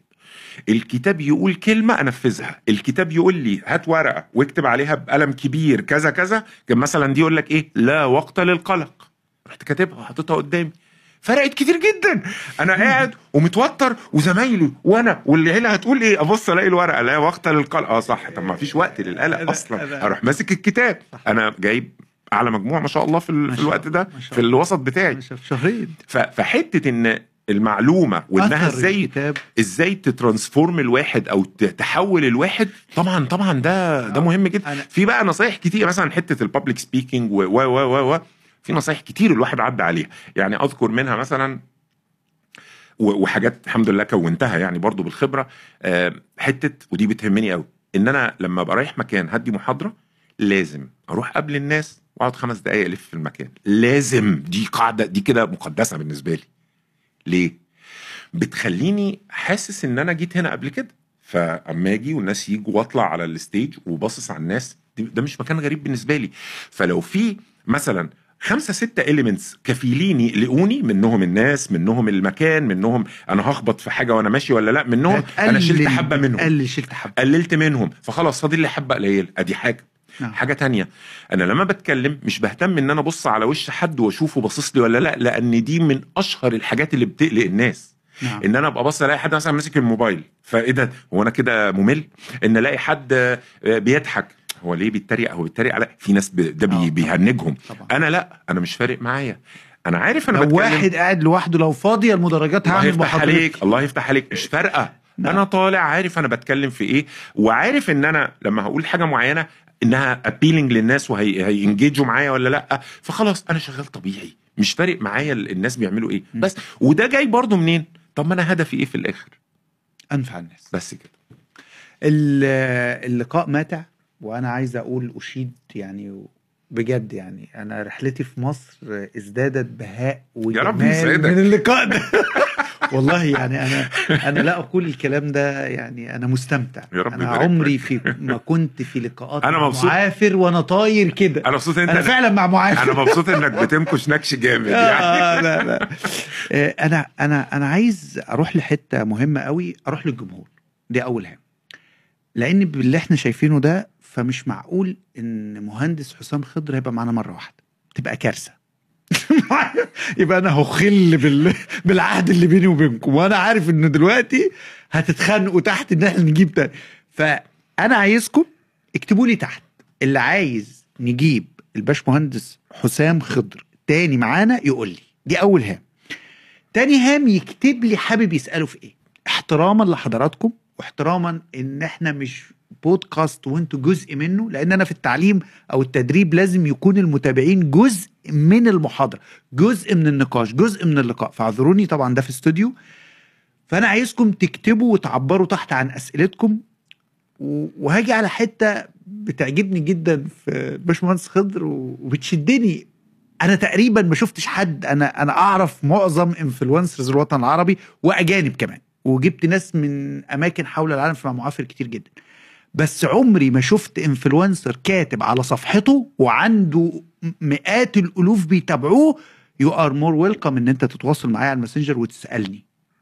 ده إيه ده؟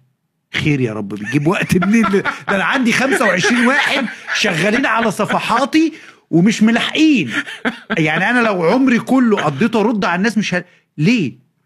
وبعدين أبعت لك ترد. أنت active جدا. يعني إحنا واتنين لما بنبعت لبعض لا لا يعني ليك أو لازم ترد. ليك وقت within range تشوف الرسالة ترد عليها تفعل إزاي؟ إزاي جالك ال- القوة ربنا يعطيك الصحة والعافية إيه، لأن دي مهارة. مهارة التواصل مع الناس وإنك تسمعهم وتختلط بيهم. ده في ناس بتروح يعني أنا أعرف ناس قافلة نهائيا صحيح. التواصل والردود على التعليقات. أنت بتنزل على التعليقات واحد واحد ترد أنا بشوف ده بعيني. آه، إزاي؟ هقول لك. عايزين نتعلم. العفو ربنا يكرمك. في كذا كذا محور سريعين كده. طيب. المحور الأولاني هو الحافز.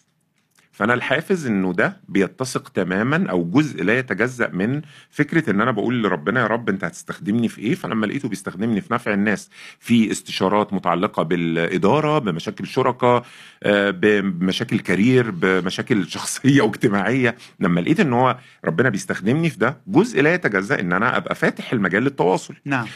ولكن نخش على فده حافز. نعم. وفي حافز آه، ده الحافز بتاع إن أنا أفتح مجال التواصل. في حافز لسرعة الرد. مم. لا يؤمن أحدكم حتى يحب لاخيه ما يحب لنفسه. الله. أنا الله. لما ببعت لحد أنا ببقى حابب إنه يرد عليا على طول يبقى مهتم بيا. أنا على أي حد أنا مثلا مثلا ما شاء الله بعد اللقاء هتلاقيني إيه فتحت لقيتين ال- الصفحه كاملة أو اتنين على الواتساب وزيهم على الماسنجر وفي الأذر وفي كل حتة. متعود. ما أنا هقول لك التعود لسه. فببقى عامل في حسابي إن كل الناس دي نفسها إن أنا أرد عليها بسرعة. نفسها يعني وأنا لو مكانهم هبقى كده. ده الدافع بتاعي إن أنا أرد بسرعة. نعم. نمرة اتنين المحور التاني هو إزاي بعرف أعمل ده؟ ال ال يعني قصة إن هي مهارة زي ما أنت قلت انت عبرت تعبير قوي جدا. نعم.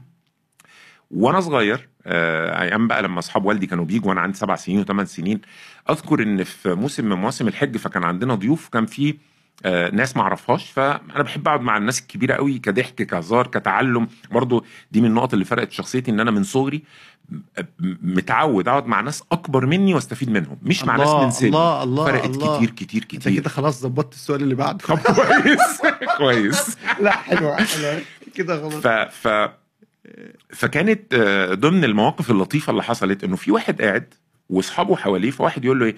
يا حاج فلان آه، نمرة آه، الشيخ فلان إيه؟ يقول له سبعة اتنين تلاتة أربعة خمسة ستة مش عارف إيه. اللي بعده بعد شوية كده. هو أنت كو- نمرة فلان إيه؟ يروح مديله النمرة بتاعت فلان التاني. تلات أربع مرات الراجل حافظ نمر الناس. الله. أنا ذهلت أنا و- ومش بيتردد مش بياخد وقت. فقلت له قلت له هو معلش أنت إزاي بتعرف تحفظ الحاجات دي يا عمو؟ فضحك قال لي أنا في الأول لقيت إن أنا أبويا وهو صغير شوية فأبويا كان يبقى عايز نمر الناس وما بيعرفش يقرأ ويكتب. فكان يقول لي خد احفظ الرقم ده. فأروح حافظ الرقم. بعديها بفترة أقول مثلا يومين ثلاثة يقول لي احفظ الرقم ده ده عمك فلان. يروح حافظ الرقم. فالموضوع بادئ بالراحة قوي. واحدة واحدة واحدة واحدة الموضوع كبر كبر كبر. نمت نمت نمت لغاية ما وصلت للمستوى بتاع فلان أهو فلان أهو. فما شاء الله ذاكرة غريبة جدا. نعم. دي حتة بتتسق مع اللي كنت بقوله لك. لما حد بيبقى بيعرف يعمل حاجة ومبهرة بالنسبة لي بقول أكيد لها طريقة تعلم. ده دايما أنا بعمل كده. فانا. سالته عشان كده. ألاقي إن فعلا دي عاملة زي عضلة. العضلة صغيرة ما بسيطة كده نعم. وقدرتها بسيطة. نعم. في قصة م- م- رمزية بتتقال عن واحد إن هو بقى بطل العالم في رفع الأثقال وجاب ضعف الرقم القياسي. إزاي؟ إن هو كان وهو صغير عنده مثلا 10 سنين التور بتاعهم آه، آسف البقرة بتاعتهم جابت عجل. فابوه قال له العجل مش عارف يطلع التل ده عشان ياكل فوق مع عمه فأنا عايزك تشيله وتطلع بيه. فعمل كده. فالعجل كان لسه صغير وهو الواد قادر يشيله فطلع بيه. خمس سنين هو بيعمل كده كل يوم. العجل بيكبر وهو مش واخد باله بس لأن عضلاته بتكبر معاه. لغاية ما بقى قادر يشيل أوزان خرا- خرافية بالنسبة لغيره. نعم. دي كانت برضو حياتي كانت وأنا صغير قصص رمزية بالشكل ده برضه. فلقيت نفسي إيه؟ أنا فتحت المجال وأنا لسه مش معروف قوي مثلا في 2018 بداية ال startups وريادة الأعمال وإن أنا أتكلم في الكلام. ده ففتحت الباب لا تتردد في التواصل معي في ال bio بتاعي على على فيسبوك. فممكن واحد يروح باعت لي النهارده واحد كمان أسبوع واحد كتبت post ألاقي مثلا خمسة ستة بعديه ردوا بيبعتوا لي على الواتس على الرسائل اللي يسألوني في حاجات وهكذا. هي فعلا بدأت كده. فبدأت وأنا مهتم إن أنا أرد بسرعة. ما شاء الله الا بالله العدد دلوقتي فعلا غريب جدا وخرافي جدا وأنا مش ما عنديش مشكلة في التعامل معاه ومش حاسس ان بعمل حاجة غريبة. فعلا. والعضلة قوية فعلا هي دي. بت... هي دي. نمرة ثلاثة بقى المحور الأخير إيه؟ إزاي أعرف أرتب ده بحيث إنه يتناسب مع حياتي؟ نعم. أنا ما بقدرش آخد مكالمات. دي نقطة مهمة. أنا ما بقدرش آخد مكالمات. communication message. رد عليها صوت. ابعت لي صوت يبعت لي text أنا. معاك أنا معاك. بس- بس. يتصل بيا. آه أهلا وسهلا ممكن حضرتك أنا آسف والله. ابعت لي على الواتساب هتلاقيني برد عليك على طول. اصلها حاجة مهمة. والله ما بعرف آخد أقول كده والله ما بعرف آخد مكالمات. فحته إن أنا أبقى مظبطها بالطريقة اللي تناسب حياتي أو ما تؤثرش عليا أو أنا كده. أنا جيت أتواصل معاك في أول مواقفنا مع بعض ومعرفتي بحضرتك. آه انت قلت لي ممكن خلينا مش النهارده فعلاً. ده يوم الأسرة. آه، ده آه لا مفهوم التوازن عندك واضح وصريح حتى لو رمزي عبد العزيز. يعني الحتة دي حتة جميلة وأنا دايما بدعو لها إن إحنا نرتب أولوياتنا ونوازن حياتنا. وعايز أضيف حتة آه، يعني أنت هتستغرب منها إن الكتاب آه، بتاع كيف تكسب الأصدقاء وتؤثر في الآخرين أنا قراته آخر كتاب قبل ما أنزل لمصر. فعلاً. فنلند. آه آه آه. جنب سرير. ما أنا عايز أقول لك حاجة بس. وجمعت أولادي. لا أنا عايز أقول لك حاجة. هو. أنت ما شاء الله ما شاء الله. يعني أنت فعلا مش محتاج تقرأ الكتاب. لا وأنا قعدت أبتسم. أنا بقول أنا لك بس، أنا بقول لك أنا introvert وأنا مش آه، عارف إيه و... و... وعشان أصعب عليك. وأنت جاي تقول لي في الآخر وأنت يا رمزي عبد العزيز يعني. اضحك. والله ما أنا شاء الله. جمعت أولادي. قلت لهم أنا هقول لكم على حاجة. أنا عمري ما قلت لكم اقرأوا كتاب غير كتاب آه، اللي هو بتاع آه، الأب الغني والأب الفقير. أنا قلت لأولادي اقرأوا.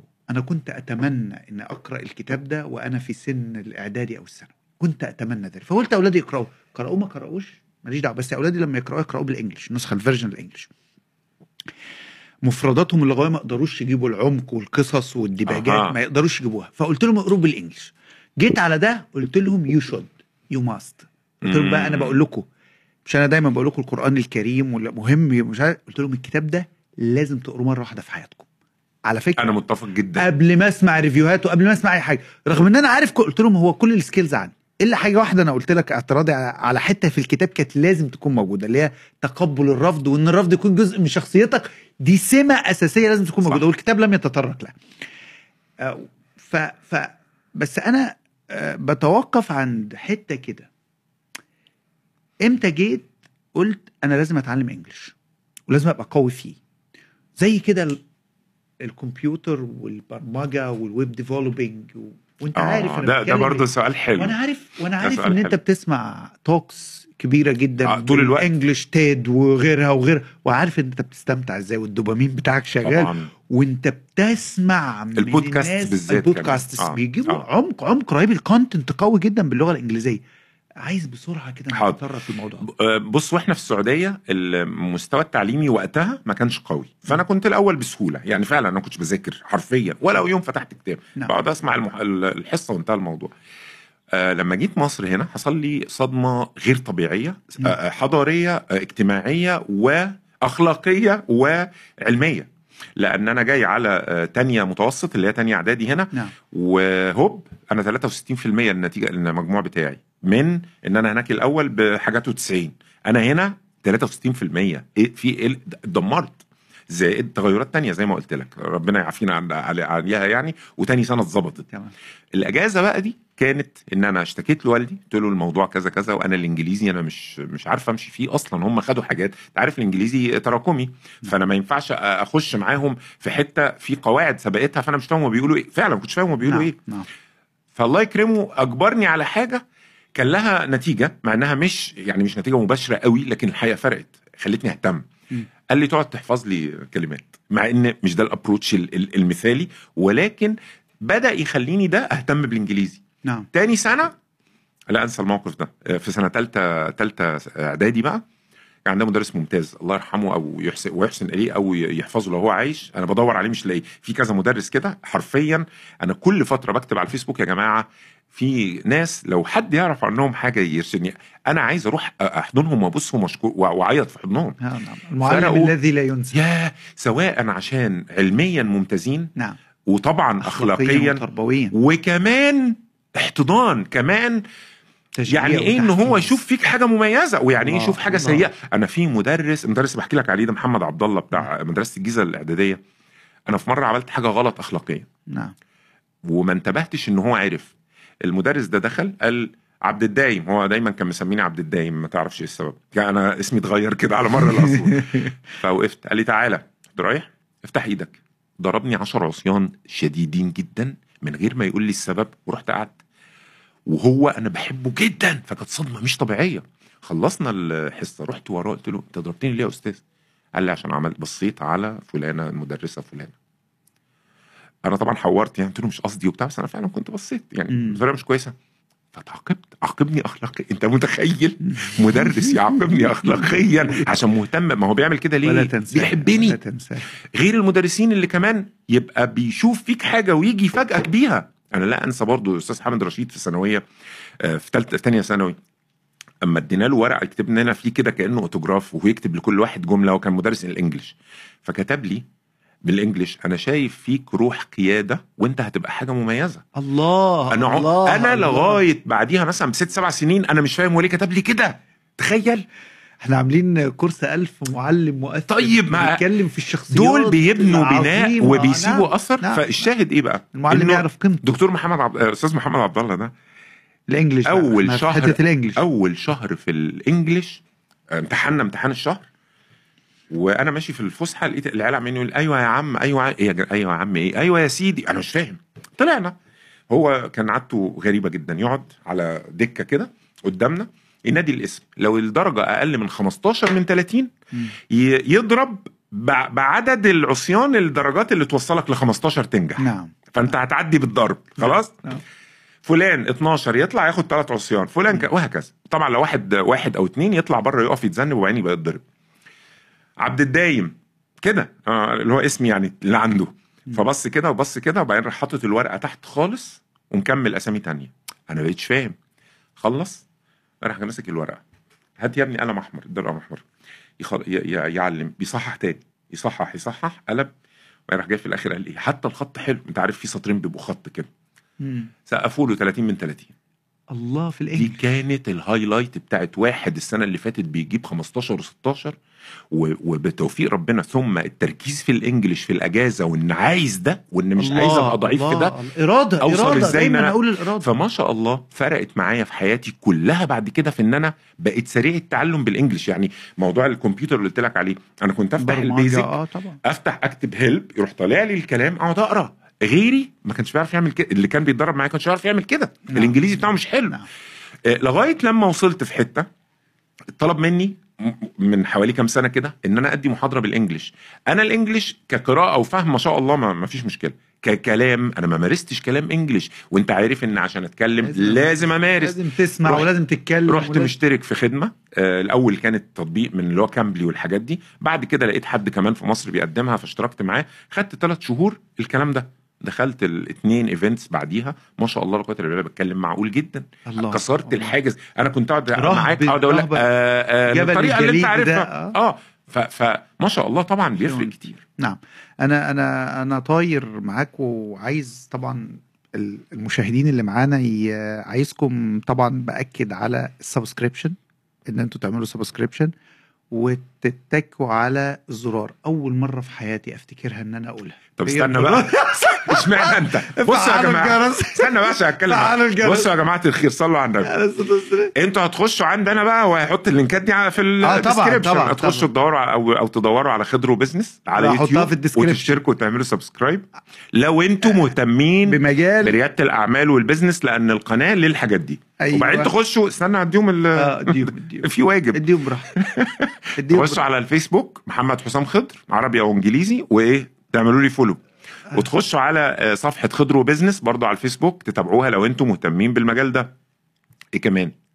خلاص واشتروا الكتاب تيك توك لو أنتم مشتركين في تيك توك أنا عملت. account قريب اشتروا الكتاب بتاعك بتاع ريادة أصل أنا الاعمال اللي بقول لهم على الفيسبوك لأن ال account بتاعي اتقفل أنا عارف من. حوالي آه، مثلا 20 يوم ومن غير آه، سبب آه، والله آه. ما شاء الله كان عليه عدد كبير قوي آه وكان تفاعل رهيب آه. رهيب فرجعت تاني لما لقيت إنه شكله مش راجع رحت عامل account تاني جديد من 10 أيام وإيه الجديد لا القديم ما رجعش أنا عامل واحد جديد ده اللي. شغال بيه دلوقتي طيب. فالناس طيب. تخش بقى يا ريت يا جماعة أنا بقول لكم اللي مش متابع لدكتور حسام خضر أنا بقول لكم فايته كتير جدا.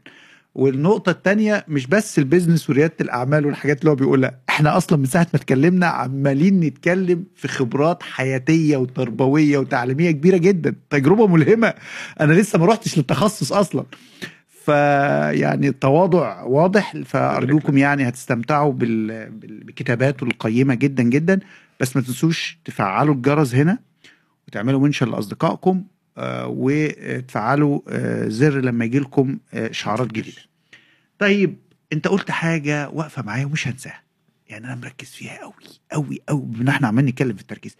انت قلت لما بقابل حد كبير بتعلم منه. وإحنا جايين في العربية كلمتك يمكن لو لو حاجة أنا مهتم بيها أعمل بيها positioning في دماغ الناس كلها في الوطن العربي وهز كل أب وكل أم و و هقول له اتعلم تكون mentor جيد لأولادك. هقول للشباب لازم يكون ليك mentor. ال CEOs الكبار أكبر ناس كبيرة على مستوى العالم مش بس اللي عنده mentor واحد عنده اتنين وتلاتة وأربعة. عايز من محمد حسام خضر من تجربته يقول هل التوجيه مهم ولا مش مهم؟ يا نهار أبيض. أثر فيك؟ أنت ماذا أنت عايز حلقة؟ لوحدها؟ ماذا والله العظيم أنت عايز حلقة أصل معلش يعني هو مين هيعرف يتعلم من نعوم منذ نعومة أظفاره لوحده؟ يعني كون إن أنا مثلا self learner فهاجي في أوقات وما شاء الله يتاح لي بقى إن أنا آه، مصادر كويسة وأشتغل طب ما أنا مين اللي قال لي على المصادر؟ طب ما أنا مين اللي فتح لي مجالات؟ طب ما أنا مين اللي مين اللي هو أنا طول عمري مثلا من النوع اللي مركز وبتعلم عشان اشتغل ولا أنا جه عليا فترات طويلة كنت هلاس؟ أنا آسف يعني. كنت بقعد games يا نهار أسود إحنا كان ال games اعدد لك أساميها بتاعت زمان مثلا. بتاعت الكمبيوتر. لا ممكن أقعد فترة طويلة ألعب. نعم. أنا لا أنسى مثلا يا رب يبارك له يا رب وي- ويحسن ختامه. أستاذ ممدوح أمين. ده حد آه، وأنا بشتغل في تاني شركة اشتغلت فيها في حياتي اتعرفت عليه كعميل وبعدين بدأت أروح له المكتب نقعد ندردش مع بعض فترات طويلة جدا وتلاقينا لقاء مش طبيعي على المستوى الفكري وحبينا بعض جدا الراجل ده فرق ده أبويا الروحي. الراجل ده عنده شركة كان اشتغل مدير في ال في ال- جهاز التلفزيون لغاية ما بقى عنده 40 سنة وبعدين وصل إلى ما شاء الله إنجازات عالية جدا كان ماسك قسم الأفلام الأجنبي فاستقال لأنه هو حب يعمل مشروعه الخاص وعمل فعلا بيزنس خاص بيه بمصنع بكده وما شاء الله اشتغل حبة حلوين بتاع 20 سنة حلو قوي. فالراجل ده أنا كنت أروح أعمل له شغل الأول designs مش عارف إيه حاجات كده وبعدين خلاص بقى توطدت العلاقة. وأصبح فعلا أبويا الروحي كان يشوفني قاعد على ال ICQ اللي هو برامج المحادثة بتاعت زمان وارغي واهلس وبتاع. بدون مبالغة يعني. أنا مثلا قاعد سايبني نص ساعة وبيعمل حاجة. يقوم جاي داخل عليا المكتب يلاقيني قاعد أعمل كده. وقت فراغ. ما أنا ما أنا عندي شغل الصبح وباجي عنده بقى اتسلى أو اشتغل شوية. نعم. وصوته يبقى كده. يا ابني أنت لو استغليت 10% من وقتك هتبقى أحسن من الناس كلها. الله. تخيل. mentor. هو شايف موجه هو شايفني كإمكانيات شايفني كتعلم شايفني شايفني ف... فبيزق لا نبقى قاعدين فيبقى حد لازم أقول لك الأمثلة دي يبقى حد جاي يقعد معاه. ولقاء واجتماع وبتاع حد عنده فكرة جديدة أو مخترع كان في مخترع مرة أنا نعم. فاكر ويقعد ويتكلم يتكلم كان الراجل كلامه مبهر. ولما قال وطلع إن رأس المال اللي هو محتاجه مش مبلغ كبير أنا اتحمست أصلا إن أنا أقول لأهلي وبتاع فعايز أتكلم. يروح هو مشاور لي كده بطرف عينه أروح ساكت. هو شافني عايز أتكلم. بعد ما مشي ده افاق ابن كذا. ليه بتقول كده؟ عشان وعشان وعشان وعشان. أنا اتعلمت. آه. أنا أنا. موجه أنا موجه. أنا فعلا سنهم قلت كبير و- لأهلي أنا أنتوا ربيتوني وأنا طلعت. اتعلمت حاجات في الكلية. ولما طلعت للحياة الراجل ده ربنا حطه في طريق عشان يعلمني أعيش إزاي. ده المنتور بتاعك. أنا كنت أشوف حد بيتكلم في حاجة مثلا حد بي بيقول إن عنده مشكلة أصدقه؟ لا معظم الناس مش بيبقوا صادقين. أشوف حد بيعمل كذا أصدقه؟ ده ده كان منتور حياة حياة رهيب. عندي بقى من ده أكتر من واحد كل واحد في حاجة في مرحلة برضه. الله الله طبعا الله طبعا. أثرت. زائد إن أنا بعتبر إن أي حد بيجي ينصحني يا دكتور رمزي هو منتور ليا. معلش أنا في ولد يا نهار أسود. آه، محمد عزت يا رب يبارك لك يا محمد. الولد ده عنده دلوقتي 28 سنة 29 سنة. نعم. ده منتور ليا آه واصغر مني بقول لا. أنا عندي 48 سنة. الراجل ده جيت في مرة قلت له. قلت قلت له محمد أنا محتاجك. أنت اشتغلت مع فلان وفاشتغل مع ناس آه، قامات في جزئية ال personal branding هو موهوب فيها. نعم. فبعت له رسالة على الواتساب. أنا ما بحبش تليفونات فببعت على الواتساب. قلت له محمد أنت فين؟ أنا عايز أقعد معاك نص ساعة. قال لي عينيا أنا في الحتة الفلانية. رحت له. أنا رحت. امم إيه كنت أجي لك قلت له لا أنا محتاجك فعلا. علمني.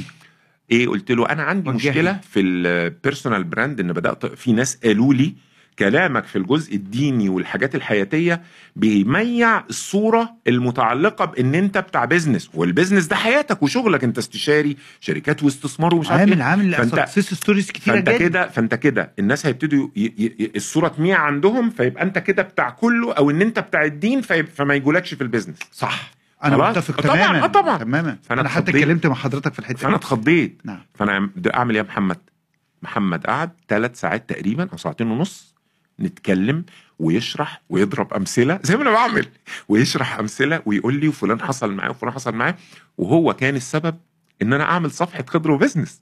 أنا الله، كنت الأول الله. الأول كان كله على الصفحة بتاعتي متلخبط آه، مع جانا آه. سمك لبن تمر هندي رحت عملت community مخصوص. لل business ده كان السبب. و community للخواطر والتجارب وال ما شاء الله. دي, دي اشتغلت ومشيت ودي وصلت. بتاع 115 ألف follower نعم. وده وال account الشخصي بتاع مثلا ما شاء الله 320 ألف قبل ما يقفل ففعلا فرق معايا نعم. وكل فترة لو أنا احتجت معلومة بكلمه عندي برضو من ده كذا واحد ليه نعم.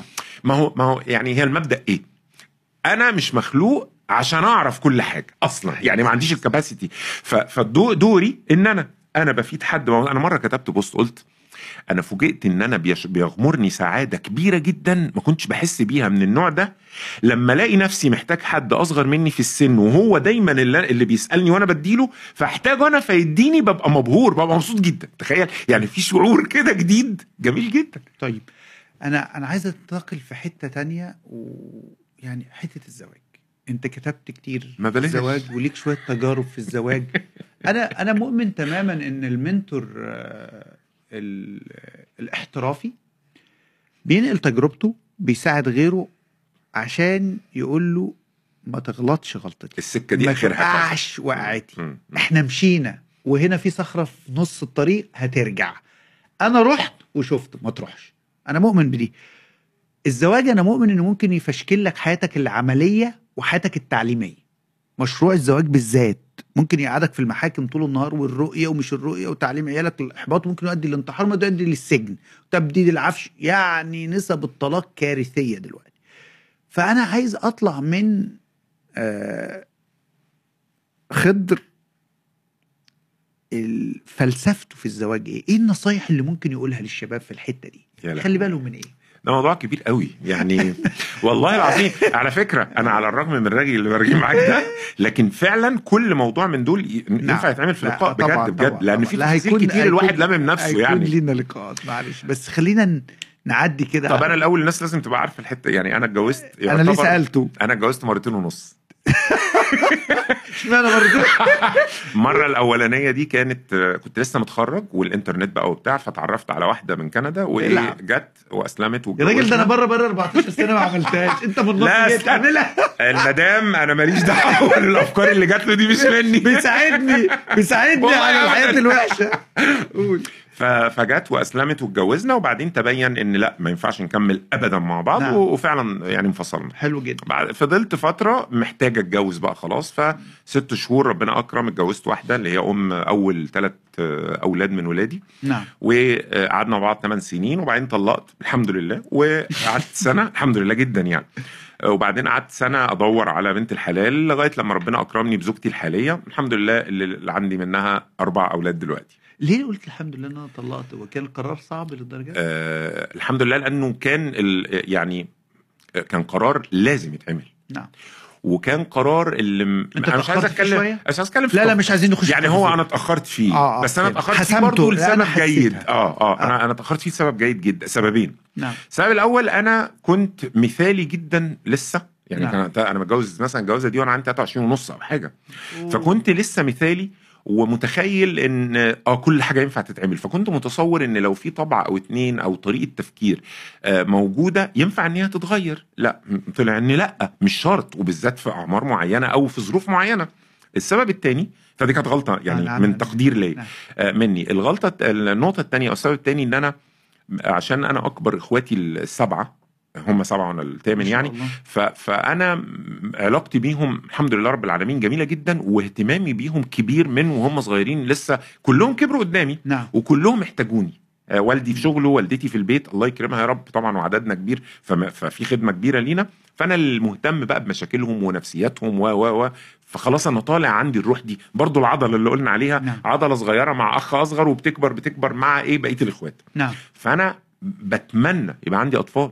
مستني الولاد دول بفارغ الصبر. الله. يعني الجواز لوحده هدف والخلفة لوحدها هدف قده بالنسبة نعم. لي. نعم. فأول ما عرفت إنها من الحمد لله من الأول حملت انتهى الموضوع. بالنسبة لي ما بقاش ينفع أسيبها. يعني بقى لازم أنا عايز العيال دي. هكمل. خلاص آه. هكمل عشان دول. مع الوقت بقى, بقى يعني خلاص بي بيثبت إن ما ينفعش. فكان آه، زي mechanism هروب عندي إن أنا بقيت بنام بالنهار واصحى بالليل.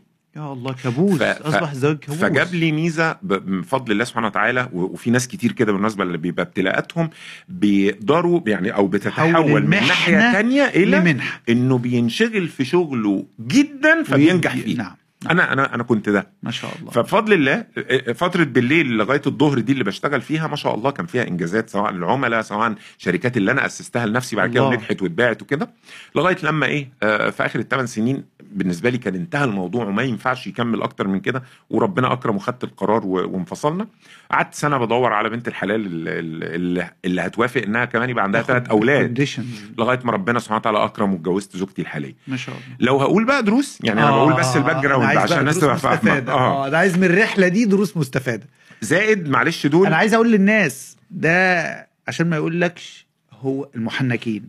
كلامي للمحنكين. هو ماله ومال الزواج. لا حضرتك ال mentor بيخش في الحياة الشخصية. إحنا للأسف مش متعلمين كويس. ما عندناش awareness ولا عندنا وعي كافي. هو في ال business قوي جدا في ريادة الأعمال قوي جدا لكن عنده خبرات حياتية كبيرة جدا من حقه إن إحنا نتعلم منها ونوريها للأجيال اللي طالعة تتعلم منها. عنده تجربة ملهمة تستحق تسليط الضوء. فحضرتك آه، ما تبقاش محنك قوي زيادة عن اللزوم وروح يا عم تابع واحد متخصص هات لنا واحد كده متخصص في الزواج طلق له 15 واحدة وده- وهيطلع يقول لنا خبرته يا سيدي أنا ما وراك. وقول لي عليه. فأرجو بس تبقى أنتوا فاهمين ليه مع معافر إحنا بنلقي بالذات المنتورز ومش أي حد بخش في الحاجات دي لأن عارف له كتابات في الحاجات دي مل- ملهمة ومؤثرة جدا نابعة من قراءة وتطبيق وتجارب حقيقية. اتفضل. أنا هعلي عليك. اتفضل. علي بقى. براحتك. اللي انت قلته ده 100% صح. أنا هعلي عليك حتة صغيرة. قول. أنا مؤمن إن إحنا مش متصنفين بالحاجة اللي إحنا بنشتغلها. يعني أنا ما اسميش إن أنا خبير في أنا دلوقتي مثلا استشاري وخبير في البيزنس والاستثمار ومش عارف إيه. آه بس ده مش أنا. ده دور أنا بلعبه. آه أنا ممكن أو واحد تاني يتصنف ده خبير في العلاقات الزوجية واستشاري في العلاقات الزوجية. آه ده مش هو. ده هو من ناحية تانية هو أب من ناحية تانية هو مهندس في الأصل أصلا نعم. من ناحية تانية هو صديق أصدقائه. إحنا لينا أدوار بنلعبها في الحياة. شطارتنا إيه في إيه؟ نعم. إننا نتقن كل دور بنلعبها أنا ممثل. فعلا والله. وأنا بتعامل مع مع حياتي كده. نعم. إحنا ممثلين. أنا جاي ربنا كتب عليا إن أنا ألعب دور الزوج. حلو قوي. الزوج ده إيه؟ فين الكتب اللي إيه؟ بتتكلم؟ فين المنتورز اللي بيتكلموا. فين العلم؟ تعالى نجمع ده مع خبراتنا السابقة ويلا نمارس الدور ده صح.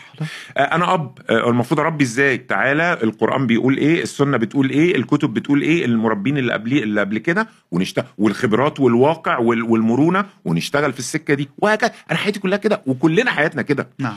كوني إن أنا أبقى متصور إن المفروض واحد عشان يتكلم في الدين يبقى هو خريج أزهر ده غلط.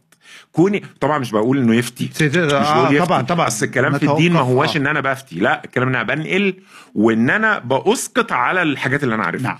آه كوني إن أنا أقول هو ليه بيتكلم في العلاقات الزوجية عادي جدا هو مش زوج هو إحنا هنمثل لا يعني وثلاث زيجات آه، وخبرات يعني أقصد. إيه هو آه. هي أدوار في الآخر هي مش محددة فكوني خبير في الكذا كذا كذا مش معناها دي ده اللي أنا بعمله في حياتي نعم. ده بالعكس أنا ده بنساه تماما وأنا في البيت فانا مش كده في البيت. صحيح. فما تجيش تقول لي انت مش بتاع الحتة دي ما حدش قال لي دي يعني بس أنا آه. بتكلم بشكل عام آه. فدي دي كده إيه حتة الأدوار نعم. طيب. كزواج بقى أنا هقول لك حاجات من الحاجات المستفادة بقى حاضر،. والشباب يستفيدوا منها رقم واحد و... وعلى الإطلاق الاختيار حسن الاختيار آه نعم. وحسن الاختيار هنا أنا بقوله عشان أقول لو انت بتقول انها تبقى جميلة أو اغنية عشان أنا اب على وش الدنيا أو عشان أنا آه، يبقى هي دي ال- الاتنين دول الحقيقة مش المعايير الأساسية. هم من المعايير بس مش المعايير الأساسية. نعم نعم. والسبب إيه؟ إن هي جميلة هي كل ما كانت أجمل كل ما كان في سمات شخصية مش شرط بس في الغالب كل ما كان في سمات شخصية مرتبطة بالجمال مش هتعجبك. كون إن هي جميلة ده مع ده أنت متخيل إن هي دي الحاجة اللي هتخليك قاعد مبسوط وفرحان وحاططها زي ما بي- الشباب بيقولوا في فاترينا. وبتفرج عليها. مش هتتصور الموضوع بيبقى عامل إزاي بعد الجواز. أنت مش هيبقى فارق معاك شكلها. أنت هيبقى فارق معاك عشرتها شكلها إيه. فارق معاك طاعتها. فارق معاك تعاملها معاك تعاملها مع أهلك. تفكيرها ت- توافقها الفكري معاك. توافقها الفكري دينها معاك دينها و و و ولما بنختلف في حاجة بنرجع للدين وهي فاهمة ده ولا مش فاهمة ده. والله إيه اللي بيخلي الممثلين يتطلقوا أنا مش بقول إن في سبب محدد آه، آه. اللي يخلي واحد متجوز. ملكة جمال آه. يطلقها لأن هو مش شايف ده مش بي فعلا والله ما بهزر الواحد بعد الجواز هو هي مثلا تاخد لها أسبوعين شهر شهرين بالكتير لكن بعد كده أنت مش شايف شكلها أنت شايف العيشة اللي أنت عايشها أنت شايف العشرة اللي أنت يا باشا أقول لك إيه حد مش هقول بقى أنا وأقعد أتكلم عن خبراتي عشان ما يبقاش أنا بشخصن الموضوع حتى لو هي عني تمام نعم حد كان متجوز وملكة جمال وبعدين بعد أسبوعين وهم شهر العسل عي مرض مرض شديد يعني مرض جاله برد وانفلونزا بتاع فنايم سطيحه وتعبان وعايز. ينام نعم وهي بره بتلف بتعمل شوبينج بترجع بتاع أخبارك إيه عامل إيه وماشية وبتاع مش مهتمة بيه أنت متخيل؟ إيه فايدة الجواز خلاص بقى؟ انتهى إيه الموضوع؟ جمال إيه وزفت؟ يعني فاهم؟ صح. برضه مش بقول كله كده. أنا بوضح في حاجات بتبقى متلازمة في الغالب. نعم. آه، أهلها وأغنياء وبتاع أنت مش عارفك إن هم بكرة هيكملوا كده. طب هم وأغنياء وبتاع هتسمع كلمة في يوم من الأيام هتخليك تح... تبقى عايز تنتحر وأنا بكره. طبعا طبعا استغفر العظيم مش قصدي اوجه حد بس, بس هتخليك. تبقى عايز أنا تنتحر. أعرف ناس من الكلمة قتلوا شريك حياتهم وقتلوا نفسهم؟ يا ساتر يا رب. آه طبعا من الكلمة اللي انت هتسمعها بتعايرك ان دي هي اللي صنعتك ان أبوها ان فلوس أبوها ان ان ان. وما تضمنش لأن دي ست. عارف لو راجل أقول لك هيمسك نفسه ست في الغالب الأمور. دي لازم تخرجها. في الغالب. هتسخرك. هتخلي رقبتك فأنا ترسم بدي أنا. بدي بس أمثلة لكن آه. اللي عايزه إيه؟ حسن الاختيار اختار. طب اختار. إزاي؟ أيوه. حط معايير. اشتغل بناء. على احتياجاتك. الله ينور عليك. اشتغل الأول. أنت عايز نفسي. أنت عايز واحدة تسعدك. عايز واحدة تطيع ربنا وتبقى عارفة. وترقص. عايز واحد مثلا آه، آه، آه، عايز آه. واحدة تربي ولادك. إزاي؟ تربيهم إزاي؟ كذا كذا كذا كذا. لا وبعدين أسأل. يعني أنا أنا دايما. فترة الخطوبة. اسأل على الحاجات طبعاً، دي. طبعاً، إيه التربية؟ طبعاً. إيه كتب التربية؟ أنا دايما أقول لها اسأل انت بتتابعي مين على ال social media؟ هتعرف برافو عليك. برافو عليك برافو عليك. اسألها باباكي ومامتك داخل الأسرة كانوا بيربوكوا إزاي؟ صحيح. آه، برك بأبوكي وأمك الحاجات دي هتبين الشخصية. أو إمتى زعلتي من من مامتك وتقعد تسمع؟ ما هي الفكرة إحنا بنسأل أسئلة غير مباشرة. لو اختلفنا هنعمل إحنا إيه؟ بنسأل آه، أسئلة عشان غير مباشرة. نلقط منها كده اللي, اللي قدامنا بيفكر إزاي. ده مهم قوي صحيح. فأنا رقم واحد حسن الاختيار. ما تجيش. أنا كنت كاتب بوست فظيع عن الموضوع ده اللي هو عصارة البرتقان و... والخلاط. مش عارف مم. شفته ولا لأ؟ بس المهم يعني طبعا ده كان في ال- في الحاجات اللي, راحت مع الوبا مع الأكونت القديم. إنما الشاهد إيه؟ أنا ما أروحش أشتري خلاط وأنا أصلا محتاج أعصر البرتقان. الخ- الخلاط هيضرب البرتقان.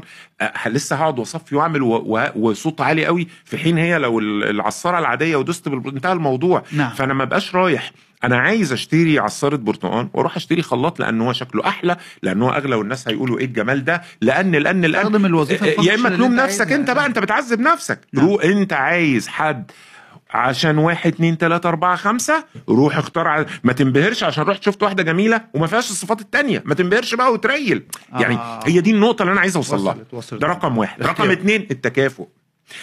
من ناحية البنت والولد نعم. ما ب- في في مقولة أو في آسف في حديث شائع بتاع إذا جاءكم من ترضون دينه وخلقه فزوجوه ده حديث ضعيف تفعلوا تكن فتنة خلاص ده لسه وإحنا جايين في العربية لو أنت آه، كنت آه، سمعتني آه. كان في واحد باعت لي مشكلة وبيشتكي لي إن هو متدين و رحت باعت له voice message. بقول له لا اللي في دماغك مش مظبوط الناس لهم حق يرفضوك لعدم التكافؤ نعم وأنت غلطت إنك أنت اتعلقت التكافؤ بيه ده بقى مالي وعلمي وأخلاقي وفكري التكافؤ جاي من ناحية إن ال... إن البنت والولد توزن الأمور وتشوف. بمعنى إيه؟ مش شرط نبقى زي بعض فكري ولا علمي ولا مالي ولا ولا ولا. شرط نبقى متكافئين الميزان كميزان كإجمالي. الميزان. برافو عليك. ك- ك... كإجمالي.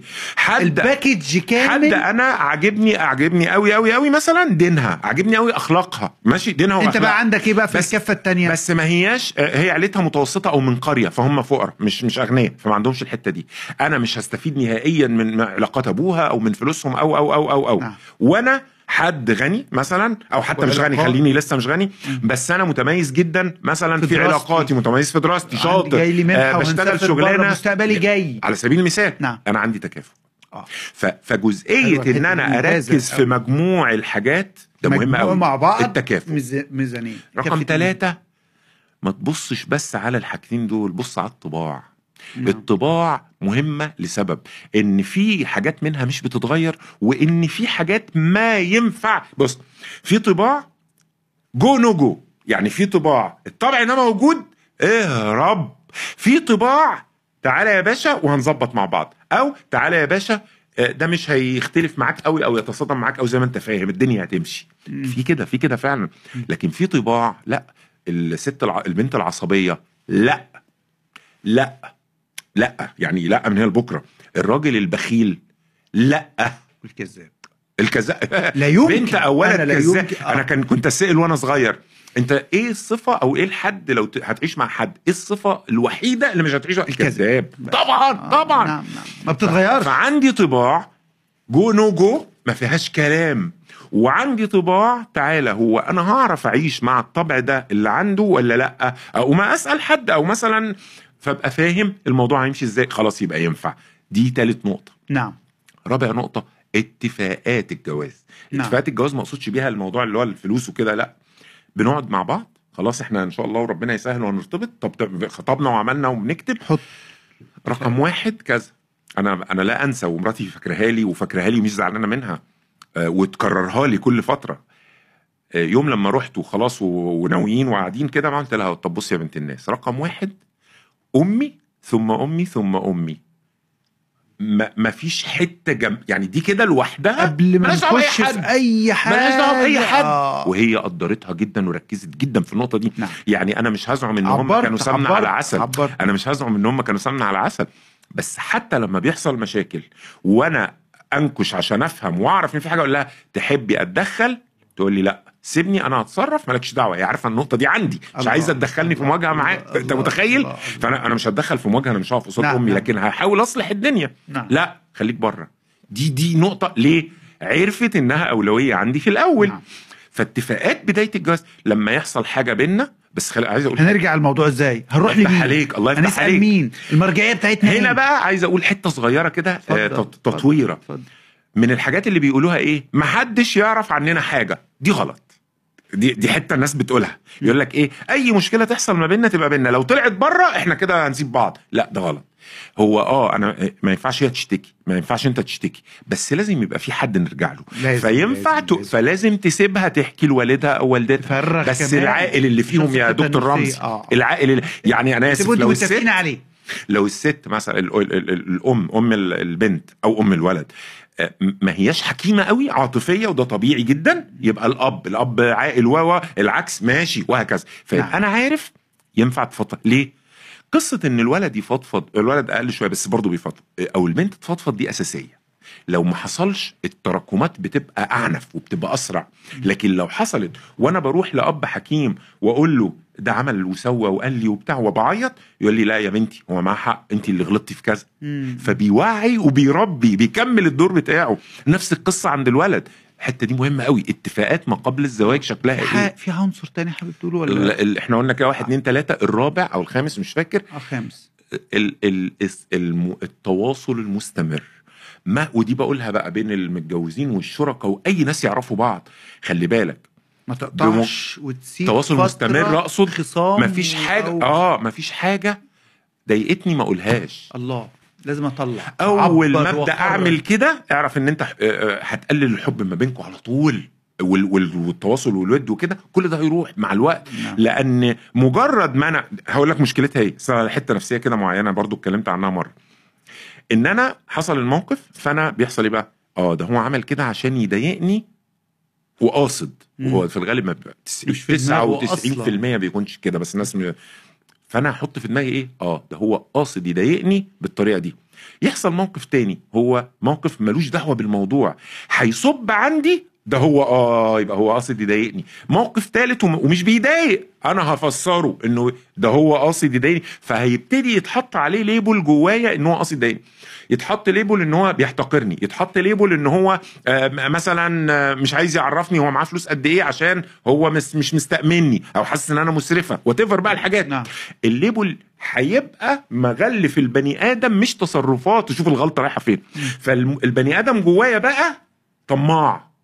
فكل تصرفاته بتغذي إنه طماع مش العكس مش إن أنا أشوف التصرف فأقول هو قصده من التصرف ده كذا أو أتكلم معاه فأفهم الدنيا. لا خلاص هو بقى قدامي جواه شيطان. نعم. انتهى الموضوع خلاص. طلع في التواصل المستمر بين الاثنين في غاية الأهمية. حلو جدا. أنا أنا عايز أنتقل كنت من كام يوم سألت سؤال عندي على السوشيال ميديا وقلت ما الذي يبني الحافز الداخلي ويجعلنا داي دائما في تعلم ومتحمسين ومتحفزين وكل يوم مبسوطين. سؤال جميل ولا أوي. ننطفئ أنا بقول لك كم التعليقات اللي جت لدرجة إن وأنا جاي قلت عايز أسمع ده.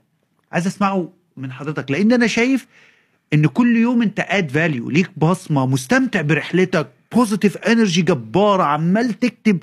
يعني اللقاء ملهم بكل المقاييس. ربنا يسعدك. فعايز أعرف إزاي الشباب يبقى دائما في حماس ومبسوط وسعيد برحلته برغم اخفاقات بتحصل بتاع مشاكل بتحصل. اتفضل. ما انت عايز انهي إجابة بقى؟ أنا ماليش دعوة.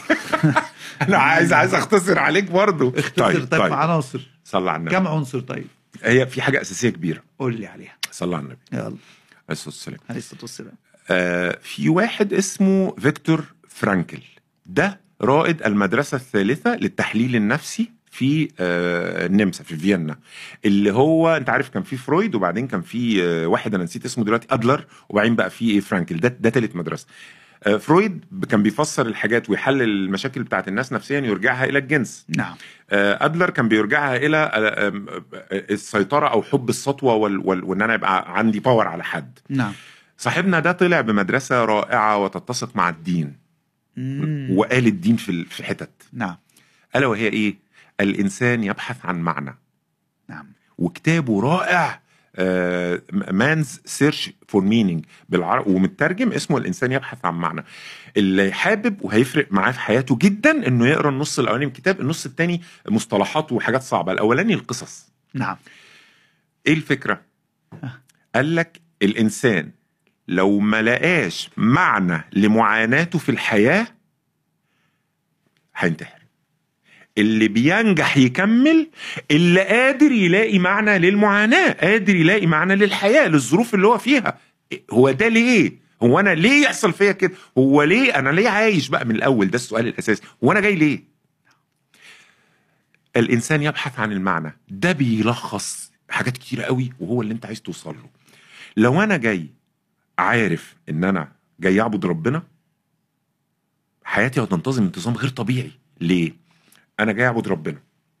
طيب مطلوب مني أصلي وأصوم وأعمل؟ لا. بس؟ لا مش بس. أمال إيه؟ معاملات الناس. طيب تعالى بقى نبدأ نتعامل مع معاملات الناس. طب ما الناس هيضايقوني وهعاني منهم. حلو نصبر. يوم الدين يقول لي إيه بقى؟ الصبر والصبر له ثواب كبير. و- ويجي واحد يقول له يا رسول الله أنا ليا أقارب آه، أصلهم ويقطعونني و- وأعمل ويؤذونني. قال له كان آه، إنما تس- تسفهم المل المل. يعني أنت كده يا باشا كم كمل زي ما أنت. ونلاقي حاجات كتيرة في في الباب دوت. يبقى عندي معنى لمعاناتي مع الناس حقيقي. بيقول لي إيه؟ نعم. أنت كده بتزيد عند ربنا وبتاخد ثواب ورايح لكاتيجوري اسمه أنت بقيت من الصابرين. لو وصلت لها خش بقى من الباب بتاع الصابرين وخد ثواب كذا وإنما يوفى الصابرون أجرهم بغير حساب. أنت عايز أعلى من كده. شوف شوف إزاي.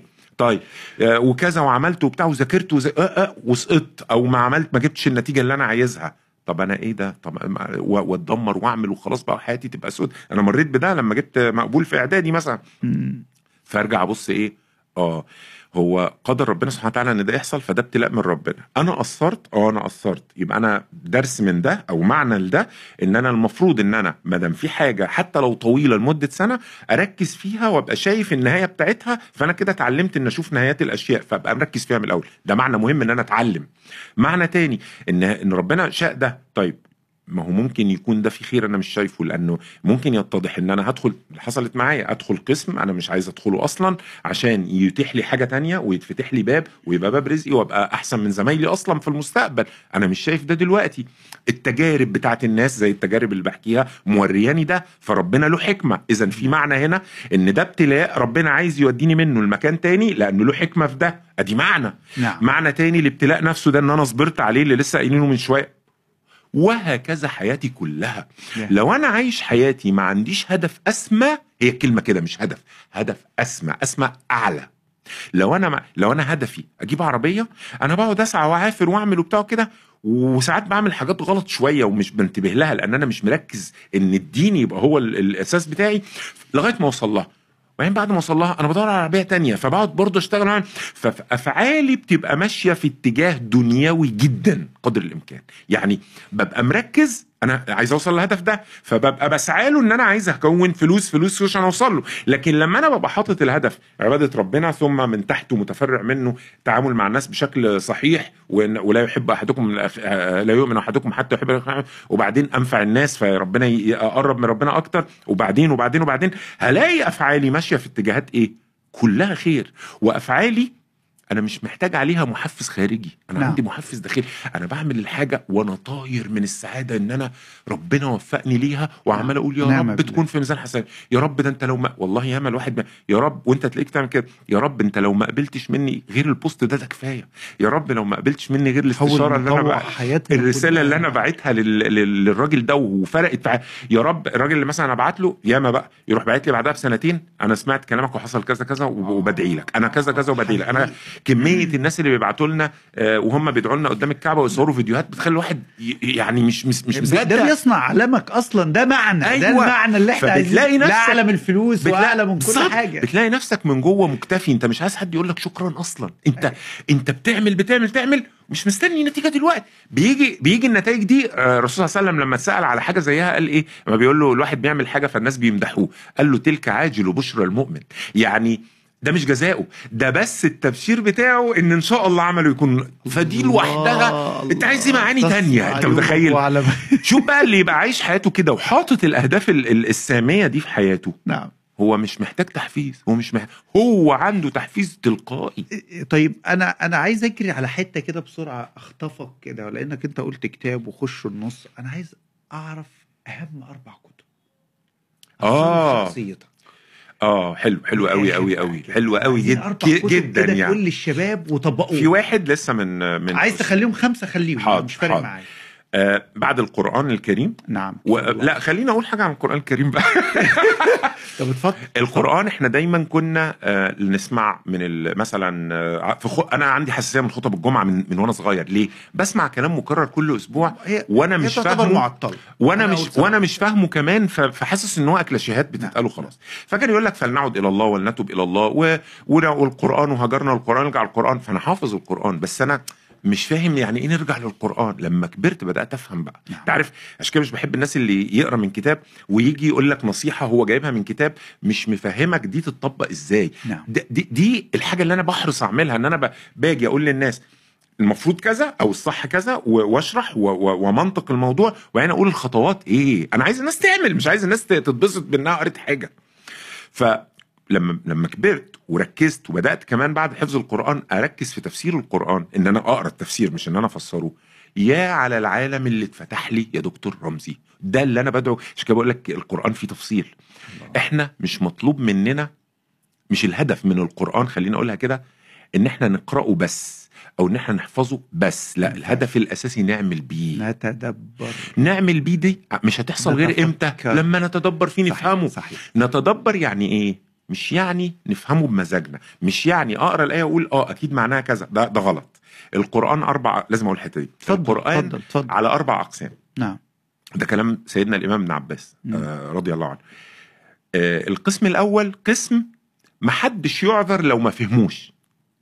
خلاص؟ وأقيموا الصلاة وآتوا الزكاة. شكرا.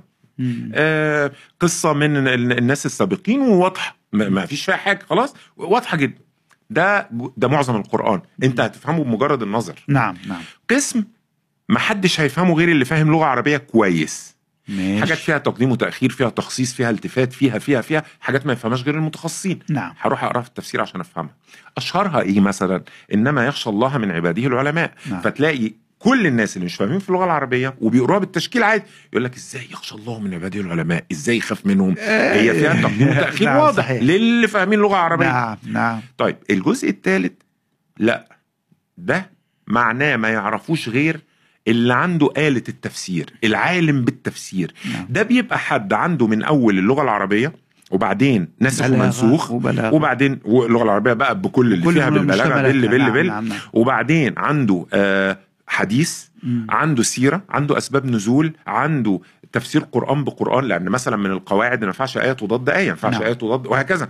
فده فاهم في ده فما يجي يمسك التفسير مش هياخد الآية كده زي ما هي هيربطها بكل حاجة وبناء على كمان العلم المسبق في التفسير هيقدر يديك التفسير النوعين دول ما ينفعش إحنا نشتغل فيهم بمخنا نعم. لازم نقراهم الأول. مم. الت... الرابع القسم الرابع إيه؟ اللي ما يعرفش ما يعرفوش غير ربنا ما يعرفش تفسيره غير ربنا. زي كيف أو لا يعلم. صاد. زي الحروف المقطعة والم... وكده ما إحنا نعم. مش فاهمينها. نعم. بيخمنوها لكن هي ملهاش تفسير لا، لا، بالنسبة لنا. ف... فتيجي تلاقي مثلا لازم برضه أقول الحتة دي. تلاقي واحد ربنا ي... ي... يغفر لنا ويغفر له ويهديه يا رب. يقول لك إيه؟ و... ويرزق من يشاء بغير حساب. يقول لك أنا أعتقد والله أعلم. ونشر مقال عنها وبعدين فيديو وبعدين في أكتر من واحد تبنى الاتجاه ده. يقول لك آه ويرزق من يشاء بغير حساب بغير حساب أكيد على ربنا بس كمان أعتقد إن فيها معنى إن من يشاء دي البني آدم. لو البني آدم شاء إن ربنا يرزقه هيرزقه. أنا التفسير ده أنا شفته بنفسي. يا الله. أنا اتجننت. يا الله. اتجننت. يا الله. تعالى بقى امسك دي وقارنها بأبسط حاجات بقى في التفسير. قارنها بآية تانية بتقول إيه؟ يبسط الرزق لمن يشاء من عباده ويقدر له. طب حلو. من يشاء من عباده هو اللي شاء إن ربنا يرزقه. ويقدر له يعني يضيق عليه. فأنت فين المعنى بتاعك؟ إزاي. بقى هيوسع على اللي عايزه؟ وبعدين يضيق عليه. أنت كده نعم. ده تخريف طبعا. نعم. دي كده الحتة بتاعت أول كتاب. أول كتاب القرآن الكريم. تاني كتاب؟ تاني كتاب وطبعا معانا ال- السنة النبوية. نعم. تاني كتاب هو كتاب العادات السبع السبع. للأشخاص الأكثر فاعلية فاكر لما أنت قلت إن أنت لما قريت كتاب آه، كيف تكسب تؤثر في الناس كل ما تقلب صفحة تضحك وحتى في حاجة أنا كل ما أقلب صفحة ابدا اضحك لأن كتاب العادات السبع للأشخاص لقيته منطبق عليا جدا وقريته على كبر. أنا زيك- برضه على الكبر قريته. على كبر قريت حد أهدى ليا ودخلت فيه حد آه، قريته. إنجليزي وقريته من حوالي ست سنين نعم آه، طبعا أنا كنت سعيد بإن هو رتب لي إطارات للحاجات نعم أنت عارف دي دي من أكبر مزايا العلم إن هو أنت في حاجات عارفها بس هو يحطها لك في الإطار فتبقى عارف تصنفها أفضل صحيح. وتتعامل معاها أفضل حتى تقدر تشرحها وتوصلها. للجمهور ب... ب... بلغة آه، صحيحة الله يفتح عليك. منضبطة ده تالت. تاني كتاب لو قلنا القرآن والسنة وبعدين قلنا ده يبقى العادات. السبع للأكثر الأشخاص الأكثر فاعلية بعد كده هيبقى عندك كتاب آه، دع القلق وابدأ الحياة يعني مش كيف أنا لو ما أنا أنا بزعم أنا. بزعم إن أنا لو ما كنت أصل الناس كتير قلقانة ده. ده خلاص أنا هشتري ناس كتير قلقانة دلوقتي نعم ده الظروف, القلق الظروف اللي إحنا فيها ده أنا على- شايف ده في رسائل الناس. جدا. ده الناس. الناس مرعوبة. ننصح الشباب بدع القلق وابدأ الحياة. الرابع. الرابع. ليه بقى ده القلق وابدأ الحياة؟ ما أنا أقول لك لولاش ده بعد توفيق ربنا أنا ما كنتش نجحت ثانويه عامة بمجموع. ما شاء الله. ال... ال... الفكرة فيه إنه عارف يحلل لك الموضوع ويديك آلية خطوات. الحتة اللي أنا بحبها خطوات تتخلص من القلق إزاي؟ نعم. وبطريقة سهلة وبحاجات وبقصص وبحاجات رمزية وبتاع. جميل جميل. يعني خد الكلام ده كده استوعبه نفذ اللي فيه ما شاء الله انت هتبقى في مكان تاني. أنا بقتش بقلق بدون مبالغة. نعم. طيب ده كده إيه الكتاب الثالث الكتاب الرابع هو آه مقالات الخطاب المدني. دي حتة رخمة وغريبة شوية بس هو اسمه غريب قوي مقالات الخطاب المدني. الخامس كيف تكسب الأصدقاء وتؤثر في الناس؟ وحطيت كتب آه، فيها زي مثلا الأب الغني والفقير وكده آه، هي شائعة كده كده بس كمان لسبب تاني موجود مش موجود بس قريب من مقالات الخطاب المدني. آه تمام. بس هو مش زيهم. بس أنا هقول لك الحتة دي. مقالات الخطاب المدني بتاع حد سعودي مش مشهور قوي عندنا اسمه آه، الشيخ أو الدكتور إبراهيم السكران. ده بتاع المجريات الله يفتح عليك أنا كريت شفت. المجريات عاملة إزاي مجريات رهيب مقالات رهيب. الخطاب المدني يا. دكتور رمزي أنت لازم تجي لازم هجيب يبقى معاك بكرة هجيب خلاص هجيب هجيب التاني كمان أنت هتذهل. نعم. بدون مبالغة الكتاب ده أنا لسه قارئه من آه، مثلا أسبوعين أو ثلاثة الكتاب الوحيد اللي حزنت وندمت إن أنا ما قرأتوش من قبل كده مم. لأنه يعني أنا بعمل حاجات وببذل مجهود في حاجات وعندي قناعات معينة وبنشرها وبتناقش مع الناس. هو حط لي الأمور في نصابها. نعم. هو هو فهمني إحنا إزاي وصلنا لهذه الدرجة آه، مجتمعيا ودينيا واخلاقيا. نعم. شرحها لي بشكل رائع. يعني إيه الحضارة؟ وهل الإسلام بيعنى بالحضارة ولا ضد الحضارة؟ وإيه العلاقة؟ الله. و- و- والغرب بناخد منه والغرب اللي بناخده منه متصنف هو- لأربع حاجات إيه اللي ينفع وإيه اللي ما ينفعش واللي ينفع واللي ما ينفعش. الله. حاجة رائعة. هسألك سؤال هل أنصف الغرب وقال اللي له واللي عليه؟ آه طبعا. الله. آه طبعا. الله. كده خلاص لا لا ده أنا بقول لازم ده أنا يتعمل. بقول لك ده أنا بقول لك هو قسم العلمي أنا هاخده منك. كده. آه آه آه، الكذا آه، كده تمام. ال- السياسي أنا ماليش دعوة بيه. ليه؟ يروح حاطط لك صفحتين. حلو قوي الأخلاقي أو ال- الفكري الأيديولوجي لا ليه؟ ويروح شارح لك. إحنا عندنا مشكلة كبيرة جدا. برضو دي سريعا كده. آه، في فرق بين بين الإسلامي بلاش أقول الاسلامي بين المسلم نعم. وما بين غير المسلم. آه، أو اللي مش مهتم بالدين. خليني أقولها كده. آه المسلم وغير المهتم بالدين حتى لو مسلم. المسلم ال- المركزية بتاعته لربنا الله. وشرع ربنا. صح كده؟ منتهي. صح آه كده؟ خلقت الجن والإنس إلا ليعبدون. غير غير المتدين آه، أو حتى لو ما نوصل للملحد لا هو ما عندوش دي. هو نعم. عنده إيه المركزية نفسه؟ بتقديس المرك- الذات المركزية إن أنا أبقى سعيد. هواية. إن أنا أبقى سعيد. و-. وفعلا نعم. الإنسانوية والمدنية والحاجات دي ب... لما تشوفها حتى في ويكيبيديا كذا كذا كذا وهدفها سعادة الإنسان ورفاهيته ورخائه ده حقيقي. هم بيطلعوه من الآخر للإله. الله يفتح عليك. ده اللي مودينا تقديس الذات ده ليه, بقول ليه بفصل ده؟ نعم. لأن ده اللي مودينا عند الحتة اللي إحنا مستغربينها. هم دلوقتي بيوافقوا على زواج المثليين وناس منهم معترضين وبيطلعوا مظاهرات يقول لك إيه اللي أنتوا بتعملوا ده؟ هم دلوقتي موافقين على في حتت كتير على أنا راجل آه، آه، بلاش أنا يعني. حد راجل يقول لك أنا ست. أنا حاسس بنفسي دلوقتي انت عارف دي الموضة. آه طبعا. أنا دل... أنا حاسس إن أنا ست ويتصنف ست ويتعامل ست وفي واحد طلع كسب آه، آه، رفع اثقال هو راجل وبشنب وطالع في وسطهم متصور وهو طالع مركز اول وفي اللي دخل في سجون أمريكا ودخل عمل جرايم أيوة. ولما اتسجن قال لهم أنا ست فدخلوه بس طلع على النبي طيب. خدهم بالطول والعرض جوه السجون. إزاي؟ قال لك أنتوا إزاي بتدخلوا إباحة هو. الأعمال اللي أنت قلت عليها في الأول. طب ده ده ليه؟ ليه؟ وليه يبقوا هم في الحيرة دي دلوقتي الناس اللي تقول وطبعا أنت شفت أكيد فيديوهات اللي فيها الناس اللي شايفة إن ده عبط فيقعدوا يقعدوا مع الناس اللي بيأيدوا ده يفضحوهم. صح؟ إيه اللي. مخليهم في الحتة دي؟ وطبعا يعني دي دي دي, دي منتهى ولا يعني إيه ده؟ مفيش عقل. حلو. ليه؟ هو جايب مرجعية إيه؟ نفسه. فمرجعيته ما ينفعش أزعل حد. إحنا أصلا هدفنا نس... نبقى مبسوطين كلنا. خلاص يا عم تعالى خلي اللي يقول يقول. هي, هي جاية من هنا. صح، صح. طب يا عم ما ده له تأثير على بنات الناس اللي موجودين في المدارس واللي اللي موجودين طالع واللي جديد. موجودين آه وموجودين طبعاً، طبعا. لا لا لا كل تيجي بقى في الإسلام. رأي العلم. مثلا. حتى أيوه حتى, حتى رأي شابوا العلم. رأي العلم آه، رموه على في جنب. الزبالة. يعني حتى الدين الدين كان مرحلة دلوقتي لا لا العلم. العلم نفسه لأنه. بيعارض الهوى. فانا ده لا لا برافو والله عليك. اركنه لي ده على تيجي في القرآن بقى يقول لك إيه؟ أفرأيت من اتخذ إلهه هواه أفأنت تكون عليه وكيلا؟ أنت تعرف أنت هتعمل له إيه؟ ولا مسؤول عنه ولا بتاع؟ خلاص يا باشا ده كده؟ وإيه هيتحاسب نعم. ما هو نعم. ما هو واخد مش مقتنع إن الإله إله عظيم هو عايز يفصل ال... حتى حتى اللي هو خلينا نقول اللي واقف في النص اللي عارف إن في دين هو محتار ما بين إن الدين بيقول له حاجة وهو نفسه في حاجة أو شايف الغرب بيعمل حاجة فشايفها مدنية وتحضر وبتاع فهو محتار في الحتة دي فيقعد يجي يقول لك إيه لا هي دي آه والدليل ده مش قصده كده ده قصده فيحاول يطوع الدين للحتة بتاعته هو ده ربنا بيقول عليه كده بيقول ده متبع هواه الرسول صلى الله عليه وسلم في حديث ده اللي بيتبع عليه هواه. صلى الله عليه وسلم أنا عايز أسأل حتة أنت بتتابع مين من الأجانب تستمتع بيهم ناس كتير كده يعني. ناس كتير بس أنا ما عنديش حتة إنه فلان. يعني ممكن تلاقيني كل فترة فلان. مثلا جو- جوردان بيترسون ده ولا ولا اسمه اسمه كده صح؟ بيترسون. آه. رهيب رهيب بيترسون. فظيع. يخرب بيت. ال logic. يخرب بيت ال logic. بس جميل. برضه بيكشكش. عنده يعني تانية، بيوقفوه عنده حتت بس بيجي بيعرف- يخش بس فيها بيعرف يتكلم. بس شاطر. آه لا هو تقيل. آه تلاقيني فترة تانية. اعلى واحد في العالم في علم النفس آه، والحتة آه. بتاعته يعني. آه، هو أنا كل فترة حقيقة مثلا فيكتور فرانكل بتاع القصة بتاعت الإنسان يبحث عن معنى دي أنا جت فترة طويلة اتفرجت له حتى له فيديوهات ولقاءات قديمة. قعدت تابعت فترة. محاضرات تيد؟ آه طبعا آه طبعا آه طبعا آه. ملهمة كل. كل فترة تلاقيني إيه تتعلم منها سكة أنا محتاج السكة دي دلوقتي فتلاقيني قعدت آه، ترمي سبع ثمان أيام آه. طول ما أنا في العربية قاعد بسمع طول ما أنا مش عارف إيه بقى أي وقت فاضي بقعد آه، أستوعب تعلم. منه نعم. آه، يجي فترة أنا محتاج مثلا أقوي نفسي في جزئية معينة أقعد أشتغل عليها شوية وهكذا طيب خليني أجي في يعني في اللقاء ده لو عايز تدي خمس نصايح للشباب من واقع ال 45 سنة طحنة سيبنا من الشوية الأولانيين الكام سنة الأولانيين. مش 45 48 آه أنت عايز آه، تتغاضى سيب الشوية الأولانيين دول اللي بنستكشف فيهم العالم ونوقع الكوباية ونكسر البيضة مش هنيجي ندي نصايح فيهم.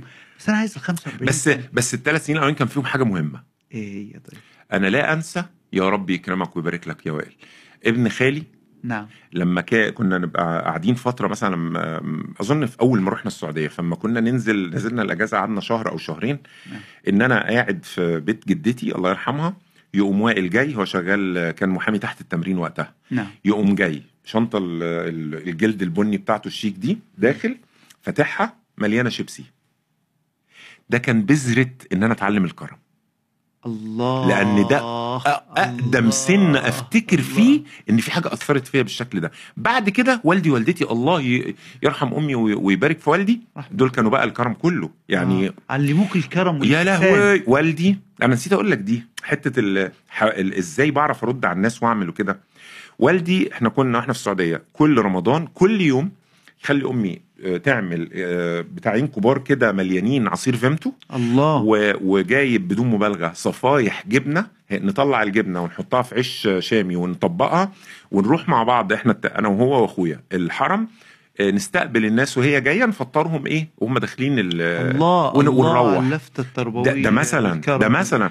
أمي يا رب ي- يرحمها ويجعل كل ده في ميزان حسناتها كانت ليل نهار خصوصا السنين الأخيرة نعم سنترال هي بتدي درس ديني في كل يوم جمعة في في قرية معينة طول الأسبوع تليفونات ورا بعض المشاكل الاجتماعية المشاكل الدينية المشاكل الأخلاقية الناس، على التليفون الناس. وتساعد. الناس فتخيل أنا شفت طالع الناس دي طالع على الوضع ده طالع الله، شايف بيت أبويا مفتوح الله. الناس رايحة جاية كل شوية وجايين يسألوه يستفتوه في حاجات دي عارف انت اللي يقول لك مثلا ابن الدكتور دكتور ودي مش قصة واسطة دي قصة إن هو اتربى في الوسط ده. فعلا فعلا. حتة إن أنا أتربى في وقت ذلك أهمية التربية وإن يبقى في قدوة من من الصغر بتفرق أنا وائل ده لغاية دلوقتي هو عارف غالي عندي جدا. ما شاء مع إني شوف حركة طب الغرس. مش حاجة يعني نقش- عند كل نقش، الناس ما- تمام. لكن بتفرق. نقشت في الشخصية. طب خليني بقى للشباب من ضوء إن أنت mentor ما شاء الله و... وبتع... وبتطلع public speaking sessions كبيرة ومؤلف لكتاب ويعني influencer ما شاء الله ليك وزنك كبير. عايز أعرف الشباب واقع فين؟ تحدياته فين؟ تنصحه بإيه؟ أهم مثلا خمس نصايح شايف إن الشباب اللي دلوقتي اللي دلوقتي محتاجينهم ياخدهم في حساباته لازم ياخدهم في حساباته. مشكلة النصايح إن هي بتبقى مباشرة شوية وص- ومش سطحية بس مباشرة وما هياش ما هياش عميقة ما هياش طالعة ب- ب- ب- ب- بقصة يعني مش عارف أقولها لك إزاي. بس هديك مس... يعني هقول لك اللي يجي على بالي قول. مثلا. اتفضل اتفضل. أول حاجة يعني أنا عايز أعرف حاجة يعني إذا أنا بنتكلم في التو... في التوظيف و MBA ودرجة الدكتوراه في, في ال business وفي ريادة الأعمال وال... والكلام ده كله فإحنا بنحكي بنحكي في خليني أقول إن أنا بحط زي بروتوكول. أنا شايف إن الشباب بتيجي منهم تحديات كتيرة جدا مشاكل بيجيبوها لي. بس أفند أغلبها إن هم في الإطار ده في الإطار ده في الإطار ده ولازم يستغلوا واحد اتنين ماشي. تلاتة هحاول أربعة. هحاول أمشي معاك. هنحاول. ليه ليه أنا بسأل ليه بسأل السؤال ده؟ لأن ده أنا مع معافر هو توجيه. هو أصلا معمول للتوجيه للمنتور شيب فدايما بنبقى عايزين نوري دلوقتي خلي بالكم يا شباب يعني مثلا اديك مثال. انت لما يجي CV ليك إيه اللي بيبهرك؟ إيه اللي بيبهرك تشغل فلان معاك في project أكيد شفت سيفيهات كتير شغلت ناس كتير معاك. إيه المواصفات دلوقتي اللي تشدك في ال CV ده أصلا؟ ما هي دي النصايح. أنا عايز. أشوف إيه فيك. فخلي بالكم يا شباب إحنا مستنيين منكم كناس رواد أعمال و business وإدارة شركات ومؤسسات. واحد اتنين تلاتة أربعة. ليه؟ عشان يكون يطلع بره الطابور عشان يبقى يقدر ينافس عشان فعلا يبقى good candidate إن ياخد الوظيفة دي اتفضل هو أنا كنت كتبت حاجة قريب من- يمكن من كام يوم كده إن زي ما إحنا لما كنا بنيجي نركب ميكروباص فنلاقي الدنيا زحمة ومش ما فيش فرصة لينا مش هنعرف نوصل للميكروباص لو جه والناس بيجروا عليه فبنعمل إيه؟ بنروح ماشيين مسافة ورا مم. ونقف في حتة افضى شوية أروق شوية نقفش ميكروباص جاي يبقى لينا مكان مم. أنا شايف حاجة جميلة جدا دلوقتي شباب ثانوي بدأوا يهتموا. نعم نفس الفكر كده. عندنا متابعين كتير شباب ثانوي بدأوا يهتموا جدا بمستقبلهم. آه اللي من ثانوي وبيتابع البث ده يقول لنا تحت. ثانوي وإعدادي. الله يكرمكم. عرفونا تحت كام واحد من ثانوي وإعدادي لأن أنا عايز أوري هو ده. دكتور رمزي ما كانش واخد باله طول اللقاء. عايز أوري قال لك ده. إحنا عايزين نعمل شوية حركه الناس تكتب. أيوه. فاكتبوا لنا الله يبارك معلش لكم. كلكم اكتبوا بقى. يعني. ريحوه اكتبوا حاجات. اكتبوا لنا الله يبارك لكم كام واحد إعدادي وثانوي وجامعة برضه post doc معانا. إيه اللي استفدتوه من اللقاء ده؟ اكتبوا لنا الله يبارك لكم في التعليقات. هخليه يقرأ. هو بيقرأ كويس قوي ماشي. اتفضل. آه، عشان اللقاء الجاي ما فيش هروب يعني. أول حاجة آه كنت كنت بقول لك إن ما شاء الله أنا مبسوط إن الشباب اهتمامهم زاد قوي بال career بتاعهم وشايفين إن في منافسة وشايفين إن اللي أكبر منهم بيشتكي إن مفيش فرص تدريب كتير مفيش وظايف كتير فبادئين يبتدوا من بدري. رجعوا ورا شوية وقال لك لا أنا وأنا بقى في ثانوي ما ضيعش وقتي. فأنا عاجبني قوي روح الإحساس بالمسؤولية دي. نعم. في قلة ما عندهمش طموح و... وقاعدين مش فارق معاهم يقول لك احييني النهارده وموتني بكرة. أنا كنت عامل فيديو آه، بتاع مثلا نص ساعة أظن اسمه آه، الرزق والسعي والتوكل على الله. ده نعم. في غاية الأهمية لأن أنا بخاطب فيه الشباب بخمس شرائح منهم. نعم. فده في غاية الأهمية إن هو يشوفوه بيفك لهم أزمة كده ال- السعي و- يعني هل الرزق ده توكل على الله ولا سعي ولا الاثنين وإيه القصة ولا بتاعته؟ 90% سعي مثلا و10 زائد إن أنا. بمسك بقى حد حد. يعني اللي ما عندوش طموح بكلمه. اللي اللي مش بيسعى عشان عمال قاعد يدعي ربنا بكلمه. اللي مش بيسعى عشان بيقول لك إن قانون الجذب وأنا قاعد مستني بكلمه. اللي بيسعى ولسه ما وصلش بكلمه. واللي سعى ووصل وما شاء الله حاله بقى كويس بكلمه كمان. فده فيديو مهم قوي اسمه الرزق والسعي والتوكل على الله. الله الله تمام؟ دي جميل حاجة. جداً، ده مهم. لو هقول بقى نصايح. هقول أول حاجة ودي بقى مش اكلاشيهات إحنا اتكلمنا عنها. ركز أنت جاي الحياة ليه؟ انت مش. جاي انت مش جاي الحياة تتبسط. عشان ده ده مفهوم خاطئ وشائع للأسف الشديد. انت مش جاي الحياة يقول لك هو ربنا جايبنا يعذبنا. هو ربنا مش جايبنا يعذبنا. جايبنا يختبرنا. في فرق كبير بين الاثنين هو مش جاي يعذبك. ما يستفيد إيه من عذابك؟ نعم. ربنا قال للكفار ما يفعل الله بعذابكم إن ك... آ... آ... آم... ما يفعل الله بعذابكم إن شكرتم وآمنتم. نعم. ف... فيعني لا مش مش دي القصة. فيبقى أول حاجة ربنا سبحانه سبحانه وتعالى محور حياتك. عشان يبقى هو المركزية بتاعت حياتك بشرعه انت لازم تعمل إيه؟ تتعلم. تتعلم معناها تقرأ تفسير فتفهم معناها تتابع الناس المحترمة المتوازنة اللي بتتكلم في الدين فتفهم منهم دينك.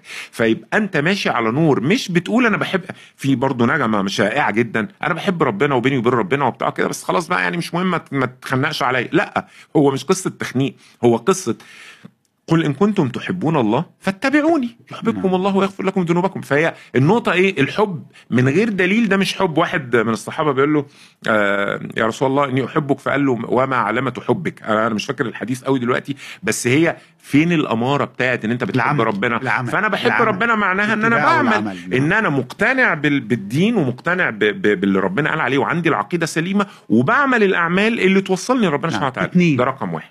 رقم اتنين اهتمامك بال... بالكارير بتاعك في نعم. شقين. شق ما تعملش startups وانت لسه إيه صغير. خد خبرة واشتغل في شركات كون عندك معلومات كون خبرات كون صداقات كون راس مال وبعدين اعمل اللي انت عايزه.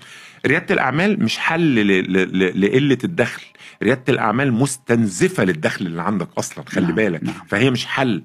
لكن لو مشروع تقليدي ينفع تعمله وانت صغير بس دي لها تفصيل وحتة تانية. لكن startup لا. ده الشق الأول في ال career في, في السعي. الشق التاني هنا إن أنت رغم إن أنت بادئ تحط لنفسك تخطيط و career معين وأنا هعمل دي وبعدين دي واخد شهادة دي عشان أوصل لكذا عشان قدام أبقى business developer أو أو أو لو سمحت ده مش الوقت بتاع دي قوي. اشتغل أي حاجة. لو سمحت ظروفك بتتطلب إن أنت تشتغل ويبقى ليك دخل ما تقعدش مستني وبتتشرط وبتقول أنا مستني لما تيجي الشغلانة اشتغل. على احتياجاتك اشتغل اللي فيما أنا لما عملت الفيديو فواحد جه على الحتة دي وقال لي إيه. طول ما التلاجة محتاجة اشتغل أي حاجة. الله الله على الجمال. صح صح والله. جميلة. يعني يعني طبعا. مش عايزة لها برضو تفكير كتير صحيح. أنت لقيت هتشتغل آه، في طلبات اشتغل. هتنزل. حد هيديك عربية في تشتغل قهوة اشتغل. في, في, أكل، في مطعم آه، اشتغل اشتغل. أي حاجة. وصدقني دي بقى الحتة الجميلة. بتاع هتتعلم ده انت هتتعلم. بس في حتة جميلة قوي هنا بقى. إن ربنا سبحانه وتعالى في أثر لقيته كده في ال... في الإسرائيليات. بيقول لك حرك يدك أرزقك. الله. تخيل. شوف ال... ده بس ده أثر إسرائيلي. آه نعم. ف... ف... في الكتب القديمة يعني. فالفكرة فين؟ من المشاهدات بتاعتنا لما بتبدأ تسعى وتتحرك أبواب. إنك ماشي في سكة. بتفتح لك أبواب أنت مش متخيلها. نعم. هو مثلا مثلا ما شاء الله قدر بالله الشهرة اللي ربنا رزق الواحد بيها. والدخل اللي ربنا رزق الواحد بيه والحاجات دي. هي ما جاتش وأنا بسعى لها. هي جت أنا بشتغل شغلانة أصلا أنا عندي شركة software فأنا بشتغل أهو في شركة ال software وبكتب هنا وبفيد الناس وبنفعهم وبدي استشارات مجانية للناس في الأول وبتاع كده ما شاء الله ده راح ربنا بارك وفتح للواحد باب رزق فيه اللي بقيت بدي استشارات بمقابل مادي. بقيت بعمل دراسات آه، مثلا تقييم شركات وحاجات زي كده. فمشيت في السكة ديت. أنا ما كنتش والله مخ... الواحد لما بيجي يبص زمان يا دكتور رمزي وأنت كده وتشوف نفسك وانت عندك مثلا 18 سنة 19 سنة عمرك ما تتخيل إنك تمشي في المسارات دي. إنك تكون في المكان ده دلوقتي. أنا أنا لما كنت داخل على ثانوية عامة وأنا في الأجازة بتاعت الثانية الثالثه أنا كنت مرعوب لأن كانوا بيشحنونا لو تفتكر شحن عصبي مش طبيعي إن الثانويه العامه دي يا تنجح وتخش كلية قمة يا يا مستقبلك يضيع. كانوا دايما يقولوا لنا كده. فأنا من النوع اللي زي ما قلت لك بسمع النصيحة بتفرق معايا. فأنا اتشحنت شحن سلبي رهيب. بقيت ماشي في الشارع راجع من الصلاة مثلا أو رايح أشتري حاجة مرعوب دماغي في إيه بقى؟ عشان تبقى أوصل لك الحتة دي. طب أنا ممكن أشتغل إيه لو فشلت؟ سكرتير. طب سكرتير بيحتاج يتعلم إيه عشان يبقى سكرتير شاطر؟ قريت في رواية مرة بيقول لك مش عارف إيه الاختزال يبقى في حاجة اسمها الاختزال عايز أتعلمها عشان وفعلا في حاجة كده. آه كذا. طب ترتيب الملفات يعني إيه ترتيب الملفات؟ أنا عايز أسأل حد بقى شاطر في الحتة دي. أنت متخيل أنا عمال أفكر في إيه؟ من وأنا في الاجازه اللي قبل ثالثه ثانوي عشان لو لو فشلت هقدر امشي في سكه عامله إزاي؟ فانت فكره ان هسعى وهعمل مهما كان الحاجة اللي هعملها اتحرك في الطريق. واحد كان ناشر post آه، مشي بقى viral على الفيسبوك فترة ان هو كان في compound ولقى العامل ال- اللي هو بتاع الامن بيلف كده يبص على العربيات يبص على العربيات ويمشي يمشي وبعدين لف لفة كاملة مثلا فضل نص ساعة وراح جاي لف تاني. قال له انت بتعمل إيه؟ يعني حاسس ان هو مش بيعمل حاجة منطقية. قال له ضحك. قال له أنا لقيت اليوم اللي ببقى قاعد فيه كده على البوابة وساكت بيبقى رزقي على قده. اليوم اللي بقعد ألف بس على العربيات أتأكد إنها مش مفتوحة وإنها تمام ومفيش حد جنبها رزقي بيوسع. الله أكبر. منين بقى؟ مش من مش مهم. حت... رزقك إن شاء الله ربنا هيكرمك بس اتحرك. دي كده نمرة كام؟ آه، إحنا السعي نمرة أربعة أظن. لا ده إحنا في الأول باقي. إحنا قلنا إحنا ربنا قلنا الله سبحانه وتعالى وبعدين؟ محور- محوري يعني محور الحياة. وبعدين الحتة التانية دي السعي والكارير. دي نعم. التانية. دي أنت عايز. تقفل. هي التانية صح؟ والله التانية كان فيها حتتين. آه طيب. التالتة آه، استفيد من أي حد تقابله. بس على شرط ما تنبهرش. والحتة دي مهمة. أيوه. اتعلم تحترم وتستفيد وتعلم ما تنبهرش. إحنا أصبنا بصدمة الشباب كلهم الجيل بتاعنا كله. ساعة ساعة ساعة الثورة بالآراء اللي عمرنا ما كنا نتصورها. الناس كانوا بالنسبة لنا عظام وقامات و و و. سقطوا سقطوا من. عيون الناس. قدسيتهم وقعت. الغلطة عند مين؟ عندنا إحنا. ليه؟ أنا مش المفروض أنبهر بحد. أنا المفروض إن أنا احترم أحترم حد وآخد منه الحاجات الصح بتاعته. إيه اللي خلى الم- المسلمين العرب زمان وحتى العلماء دلوقتي ياخدوا من الأجانب الحاجات ال- المفيدة بتاعتهم ياخدوا من الأجانب العلم بتاعهم؟ وهم عارفين دول كفار وبيتعاملوا معاهم انهم كفار. طبعا الحكمة ضالة المؤمن. هي دي إيه- أينما وجدت فهو استفيد بها. استفيد من اللي قدامك. نعم. احترم اللي قدامك من غير ما تبقى منبهر. وحتى الأشياء استفيد من الأشياء اتعلم من غير ما تنبهر. ما تبقاش ما يبقاش عندك حتة إيه انبهار وصورة كبيرة جدا لأنها بتقف عائق في أحيان كتير قوي إن أنا أتعلم ببقى حاسس إن أنا مستحيل أعمل ده نعم وزائد إنها بتخليني أتصدم في حد أنا متخيل يعني مفيش حد مبهر في حتة. وممتاز في بقية الحاجات. طبعا والفتنة طبعا لا تؤتمن طبعاً. طالما عايشين طالما. في يعني اللي ماتوا خلاص انبهر يا سيدي باللي عمله لأنه مات مش هتفتن فيه ولا صحيح. اي مشكلة طيب ده رقم نمرة أربعة أربعة. أنا كده كانت ثلاثة. أربعة احفظ الحديث اللي بيقول لا. آه، آه، بيقول إن الله يحب إذا عمل أحدكم عملا أن يتقنه لأن أنت لو دخل عندك الم- المفهوم بتاع إتقان العمل هتشوف توفيق في حياتك غير طبيعي بصمة. لما يا- يشوفوا شغلك يقول ده اسمه فلان الفلاني. غير طبيعي. نعم. وهنا بقى الناس يقول لك طب ما أنا بشتغل بس هم مش شايفين شغلي. أيوه ما هو جزء من إتقان عملك إن أنت تعرف توري عملك. صحيح. طب ما أنا بعمل كذا بس هم مش عارف إيه ومقفلين عليا ومش راضيين يزودوني. يا باشا يبقى أنت محتاج تشوف النقطة اللي قبلها وتسعى تغير المكان اللي أنت فيه. بس الأول تلاقي وبعدين تروح مش تروح على طول. وهكذا. فإحنا عندنا آليات مش ما عندناش. عندنا آليات. خلاص؟ فدي نقطة ال- الكام؟ الرابعة ولا الرابعة. الرابعة بتاعت أنا نسيتها إتقن العمل إتقن العمل. أنا بشوف الألمان في إتقان مثلا آه، العربيات في إتقان الصناعات المغرب دلوقتي في إتقان العربيات. والطيارات يا نهار أبيض. شفت الحلقة بتاعت الشقيري بتاعت آه. المغرب نعم. حاجة مش طبيعية الشقيري نفسه شوف اتقان أيوة، أيوة، أيوة. الحلقات صحيح، واخراج صحيح، صحيح. فينجر يا جماعة بصمة صحيح. يعني له بصمته لازم يكون الإمام علي بن أبي طالب بيقول إيه بيقول قيمة كل امرئ ما يحسن. الله. انت قيمتك هنا. ونقدر نقول انت بتاع إيه؟ بتاع الحاجة اللي انت شاطر فيها. فلازم تبقى شاطر في حاجة. ممتاز. و... وما تخافش ان انت تشتغل في حاجة وتتنطط منها الحاجة والحاجة حتى لو غيرت المجال بتاعك كذا مرة أنا غيرت مجالي كتير. نعم. غير ما... مش مشكلة. المهم كل ما تتعلم حاجة اتقنها عشان تبقى شاطر وتقرب من, من ناحية انت بتقرب من ربنا. عشان ربنا بيقول إيه؟ الرسول بيقول إيه؟ إن الله يحب إذا عمل أحدكم عملا يتقنه فأنا بعمل كده بالنية دي. نعم. زائد إن أنا هو بعمل ده وبستفيد منها ان شاء إن شاء الله الله. بيجي لك منه مكسب. رقم خمسة. جدا. رقم خمسة مفيش اختصارات كويسة. في اختصارات. في في shortcuts في اختصارات بس مش كويسة. ال- دايما هقول لك حاجة. ت- رضيع. أنا عندي عندي ابن دلوقتي سنة و- وأربع خمس الله. شهور ما شاء الله. رضيع الله يكرمك. لو أنا جيت وهو عنده السن ده ولسه بيتعلم مثلا بعد ما زحف بيتعلم يمشي وجيت وبدأت أخليه يمشي بجد وأركز إنه يمشي ده هيجيله آه، مشاكل في العظم. مش هينفع. أو جيت على حد عنده أربع سنين وبدأت أخليه يرفع أثقال جبت جهاز في البيت اللي هو ال multi gym ده وبدأت أخليه يلعب عليه. أنا بوظت جسمه. نعم. إن أنا أعمل ده shortcut أهو أنا عايز أخليه يبقى بدري. ال shortcuts مش مفيدة على المدى الطويل. أنا ي... هقول لك حاجة. يجي لي حد يقول لي إيه؟ أنا عند أنا لسه متخرج والله العظيم. أنا لسه متخرج عندي 24 سنة وعمي عايز يعمل مصنع ويخليني أديره. أعمل إيه؟ السؤال كده بالظبط. قلت له انسى إن في الموضوع ده. قول لعمك أنا مش مؤهل للقصة دي هات حد وأنا أساعدك ندور على حد لكن أنا هبدأ شق طريقي. وأشتغل وأتعلم. نعم.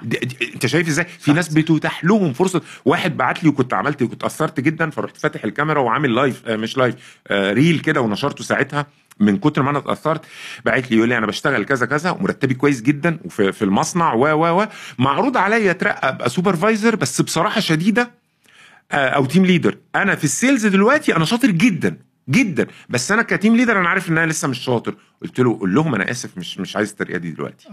قال لي ماشي وعمل كده. أنا اتأثرت جدا من إن هو في تضحية هنا. نعم نعم. في تضحية عن فهم. شهوة. عن- يبقى أيوه أيوه. فال shortcuts موجودة. آه. أنا ينفع آخد shortcut خلي بالك إن في shortcuts هتخليك زي ما قلنا كده يحصل تشوه عندك. فكري شخصي أي حاجة من إن أنت بتعمل حاجة مش في أوانها. نعم. نمرة اتنين خلي بالك إن في shortcuts كتيرة. حرام. الله. إن أنا إن أنا يبقى داخل لي دخل كبير نتيجة إن أنا بلعب على التطبيق بتاع مراهنات كرة القدم اللي بيعلنوا عنه للأسف الشديد من قبل مونديال قطر وفي كل الملاعب آه، بتاع المراهنات بتاعت كرة القدم في كل الاستادات. مش معنى إن هو بيعلن عنه إن هو عادي. مم. وتلاقي حد يكلم حد يقول له ما أنا مش باكل وأشرب بالفلوس دي أنا بشتري بيها لبس. مش عايز استهبال حرام حرام. امشي في سكة أصلا. واحد تاني الشغل مش عارف إيه إيه إيه. يروح يديه لمكتب تاني. يا نهار أسود. شفت حاجات في ال interior design offices رهيبة. نعم. ال- ال- التصميم ده بتاع داخلي وبتاع ويوديه لمكتب تاني. ويفاجئوا بعد ست شهور. إحنا ليه الشغل قل عندنا؟ يمشي ورا الموضوع لغاية ما يقع معاهم بالصدفة. بعد كده حاجات بقى كتير كده. حرام. ما تمشيش في حاجة حرام. انت يا بلاش ال shortcut بلاش بلا ما تمشيش سواء حرام أو حلال. ما تمشيش في شورت واتعلم. بالظبط بالظبط. وامشي step by step وعافر بالمتاح. الله يفتح عليك. بس. الله يفتح عليك. أنا أنا في نهاية الحلقة دي آه، هو طبعا أنا مش عايز أغ... مش عايز أقفل لأن طبعا أنا كل دقيقة أنا مستمتع. دوباميني شغال بستمتع بتعلم في حاجات جديدة. والله وأنا كمان على فكرة. ربنا يجازيك عنا كل خير. حاجة. مهمة جدا. وطبعا عمري عمري لا أنسى دعوتك ليا للغطس واصطياد الأسماك. إمتى عايز- حصل؟ إمتى؟ عايز أشوف. اثبت عايز أشوف الكرم والإحسان اللي أنت بتعلمه في طفولتك ده. هجني ثمرته في الكبر ده ولا لأ؟ يعني. إن شاء الله. عموما آه، وقت ده ودود طبعا وإن شاء الله يكون لنا حلقة تانية. الله. وعايزكم تكتبوا أسئلتكم للحلقة اللي جاية أنتوا اللي تحضروها وأنا لما بوعد أنا ما بقولش عشان الكومنتس والتعليقات والكلام ده لا أنا عايز مشاهدات أعلى طب مفعل استنى الجرس ما دام كده وأنا هنيجي تاني أنا مش ماشي. هنطلع تاني ما دام كده وهم اللي هيحضروا. على فكرة اسئلتكم إحنا يا خدنا. اللقاء كله هو ما أعرفش هيطلع كام ساعة إحنا ما أنا ما اتكلمتش أصلا في شغلي أيوه طب ماشي ما اديني. فرصة بعد كده لازم آه، أتكلم آه. في شغلي يا شوية جماعة شغل البيزنس وريادة الأعمال وإدارة الشركات والحاجات اللي عملها أصلا إنجازات واصلا أنا ما جيناش ناحيتها وعن قصد أقول لكم بصراحة أنا مش من النوع اللي عايز أخل بجودة المحتوى بتاع مع معافر. فلازم لما ألاقي رحلة ملهمة طويلة زي كده ننتفع بكل أجزائها لو نقدر. فإحنا نعمل الحلقة دي وعلى وعد. الحلقة الجاية بس هستنى تعليقاتكم وأسئلتكم في تخصص تروحوا تقروا بقى عن الضيف بتاعنا. لازم تروحوا تقروا عن الدكتور محمد حسام خضر. اللي بقول له يعني انت أسعدتني في مع معافر. وأنا برضو أشكر الجميل والرائع آه، الباشمهندس هلال اللي هيعمل فيديو اديتنج للشغل ده وهينزله عندي على القناة. وأنا سعيد إني بسجل البودكاست ده من اسكندرية من بيته من على السفرة بتاعته طارد البيت كله عند مراته كله كله مطرود عشان خاطر البودكاست ده. فبقول له جزاكم الله عنا كل خير واشكروه وادعوا لهما بظهر الغيب. وليك. وليك برضه. ربنا يكرمك ويبارك فيك يا رب. الله عنا كل خير. أسعدتوني والسلام عليكم ورحمة الله وبركاته.